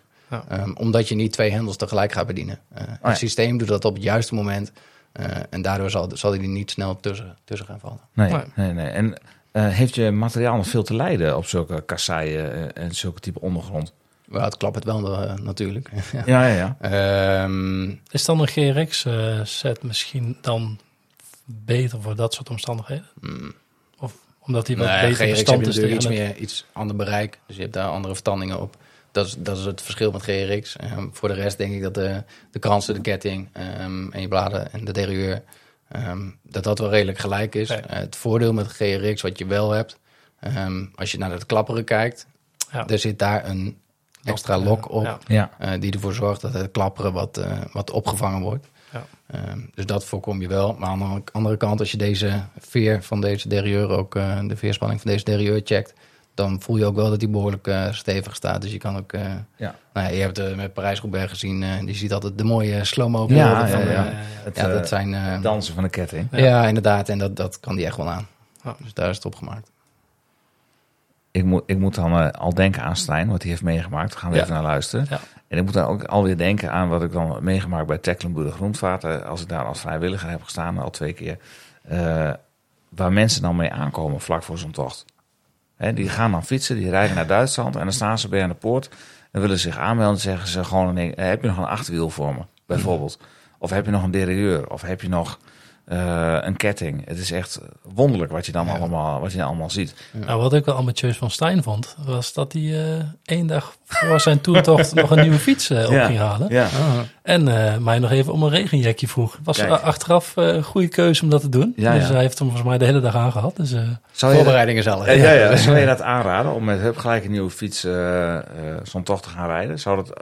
Nou, kijk, als jij de stap maakt van mechanisch naar DR2... ehm, en het is misschien ook nog een eh, ander merkframe bijvoorbeeld... waardoor je de geometrie wat anders is... ja, dan, zou, dan zou ik het echt niet doen. Nee, dan zou ik nee, toch even, even wat kilometers maken... om te wennen Ja. aan, aan het schakelen... en te wennen aan, het, Ja. eh, aan, aan de houding op de fiets.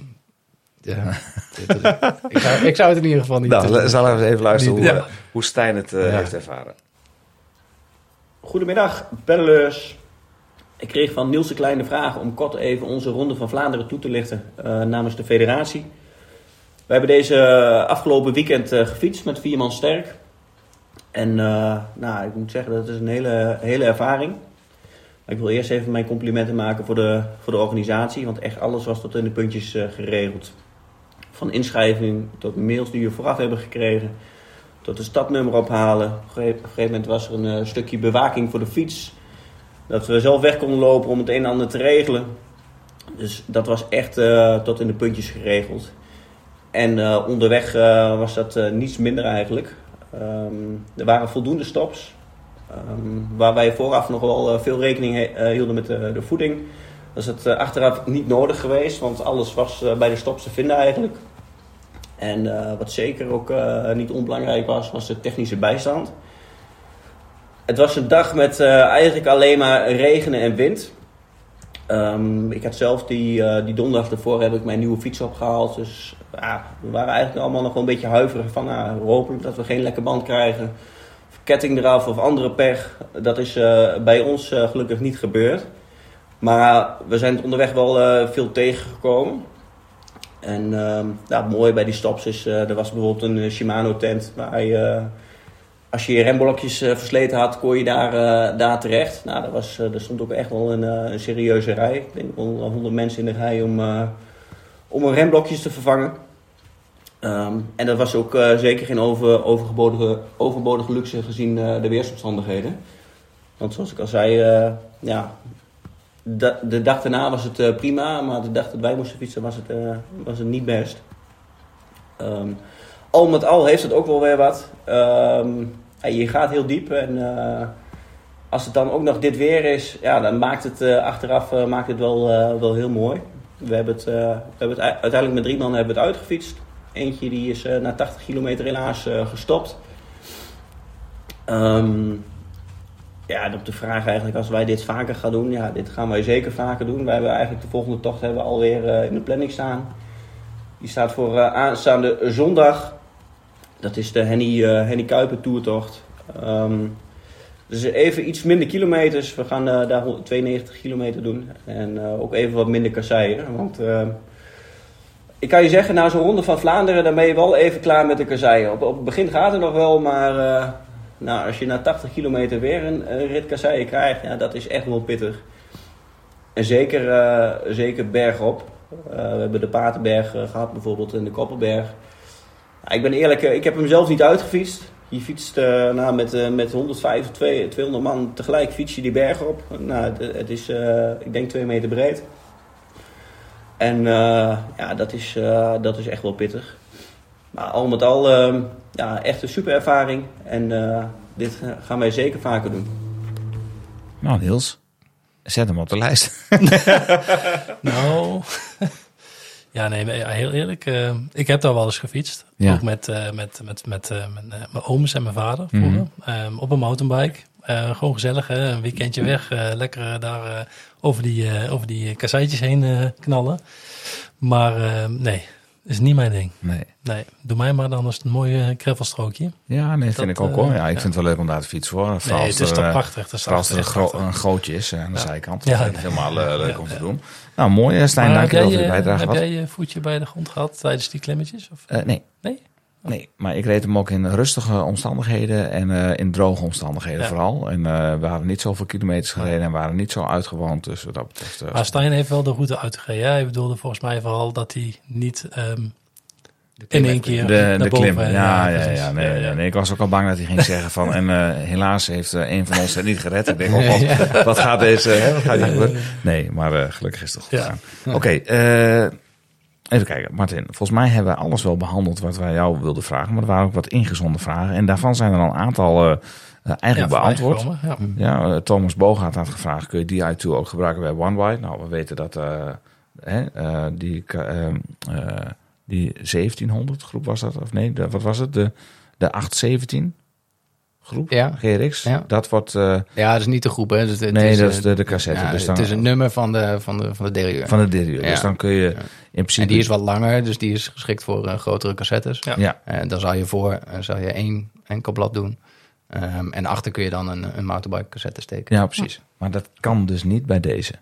Nee. Dat kan dus niet bij de 105 groep. Nee. Nee, oké, maar wel bij de GRX. Eh, even kijken. Ja, en dezelfde Thomas die vroeg: wat zijn nou eigenlijk de verschillen van DI2 met, met SRAM?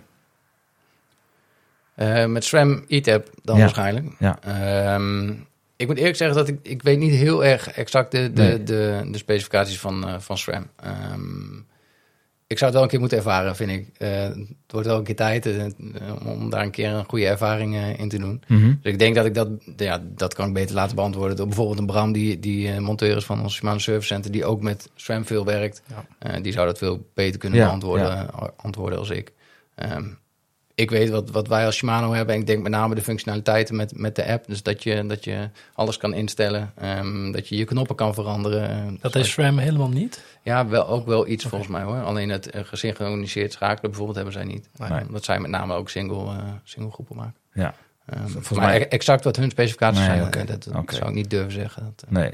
Ik denk, als ik een Duits in het zakje mag doen, ik denk wel dat het voornamelijk eh, verschilt met eh, alle onderdelen die je met elkaar kunt uitwisselen. Dan kun je wel alle groepen mixen en mengen. En ik weet dan niet wat het doet met de prestaties hoor. Dat zal ongetwijfeld Ook hetzelfde zijn bij jullie. Ja. En het is natuurlijk allemaal draadloos. eh, dat- dat scheelt wel als je Ja. het over de ITAP groepen Ja. hebt. En, eh, Ja. ja. dus de- ik denk dat dat het verschil eh, is in eerste instantie. Ja, Maar- en je- ook als je een voorderieur hebt, dat je die Ja. accu's om kan wisselen. Precies. Dat is natuurlijk wel mooi, ja, mooi ja, zeker. Maar dat vraagt uh, Rema Vedders ook. Hè? Waarom is DI2 nog niet volledig draadloos? Mhm. Zoals SRAM. Is daar een, een, echt een, een idee zit erachter nog? Dat, dat het nog niet... Ja, zo, Betrouwbaar wat, genoeg ik- is of zo, Wat of, ik eh, me heb laten vertellen is, is dat het met name gedaan is vanwege de, de betrouwbaarheid. Mhm. Ehm, een, een bekabelde aansluiting is nog altijd betrouwbaarder dan... eh, als of dan. Dat was slecht. hè, dit, eh. ah, joh, dat maakt niet uit. Ehm, eh, ja, dan een... Als leraar aardrijkskunde, Dan- geen Nederlands. dan- oh, nee, dat scheelt, ja. Dat is groter goed, dan, Ja, ja, ja, ja, ik moest even nadenken. Hetzelfde als. Ja. Ehm, dus, dus ja, bekabeld is altijd nog wel wat betrouwbaarder. Ehm, dus ik denk dat eh ja, Shimano heeft om die reden hebben ze Ja. nog altijd een stukje, een stukje bekabeld gedaan. Eh, en het moeilijkste kabels trekken, dat is, de, dat is er dan tussenuit gehaald. Dus het Mhm. grootste deel tussen het frame is tussenuit gehaald. Ja. Oké, eh, ik heb eigenlijk al een paar vragen weggehaald, Niels. Ondertussen. ja, dat zal. Want ik Ja, zie er een paar die wel eh, vloep, besproken hebben. Hè? Ja, dus eh, en volgens mij is alleen die van Thomas van Loveren nog eh, eh, relevant. Eh, de levertermijn van Shimano Ultegra Di2 L-Speed. En misschien dat hij zelf wat besteld heeft en denkt van... we Ja. kunnen zijn Ja, bestelling zo bekijken... dat jij dan kan zeggen, hij komt volgende week. Ja, ik denk- Maar, eh, ik denk dat hij dat bedoelt, ja. Dus eh, Thomas, ja, je moet gewoon even geduld hebben, jongen. Dat kunnen wij niet voor jou Nee, bespoedigen. nee, even bij je winkelier. eh, Ja, dat kun je beter doen, ja. Hangt ook een beetje vanaf wanneer, je bestelt. En, Ja, Ja, ja, Eh, volgens mij eh, hebben we al die vragen ook van uh, Dustin Hond en eh, van eh, de burgemeester.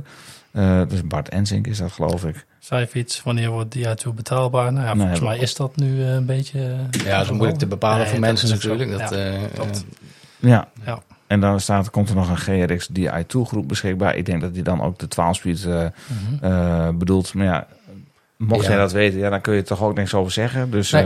Het ligt geen, eh, geen uitspraak doen over de toekomstige eh, Nee, maar het lijkt me wel dat het in de lijn de verwachtingen moet Ja. liggen. Dat kan toch niet anders? Maar ja, goed, waarom zou je 12 speed nodig hebben? Ook op de gravelbike. Ja, je Nou hebt dan weer een als grote je bereik. single, als je single rijdt. Single wel, eh, ja. ja. Ja, ja, zeker, ja. Hm, Oké. Nou, volgens mij hebben we alles gehad. Eh, Volgens mij ook. ik, Martin, ontzettend bedankt dat je Ja. hier helemaal naartoe wilde komen. Ja, graag gedaan. Jullie bedankt. Ja, graag gedaan. En eh, helemaal vanuit Bali, want eh, daar was je een tijdje geleden, geloof Ja, dat ik. klopt. Eh, ja. Bali al, dat je, niet, dat je weer terug bent. Ja, Ja, ja oh, sorry. al Niels. bij Shimano weer aan de balie. Dat, eh, Oh, die was, die was heel goed. Ja, heel goed. Mooi. Ja, en fijn dat je dit fietsje even mee hebt genomen. Ja, we, hebben, we hebben Martin nog even op de foto gezet met de fiets, hoor. Dat gaan jullie zien in de socials.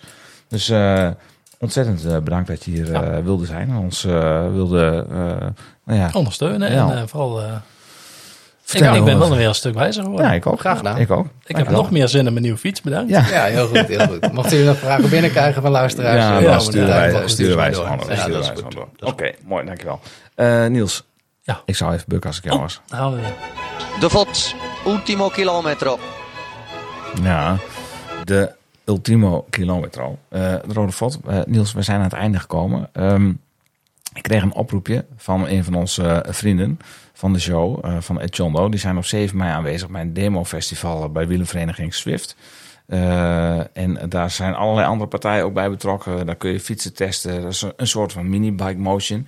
eh, waar Martin zelf eh, ook eh, bij is geweest toen het bij eh, het Shimano Service Center was bij Herman Beleven.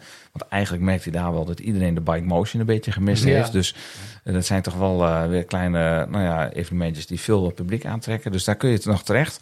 Eh, als je wil weten wat, wat daar allemaal te doen is en hoe je daarvoor moet aanmelden, moet je even naar eh, raasbikes.cc.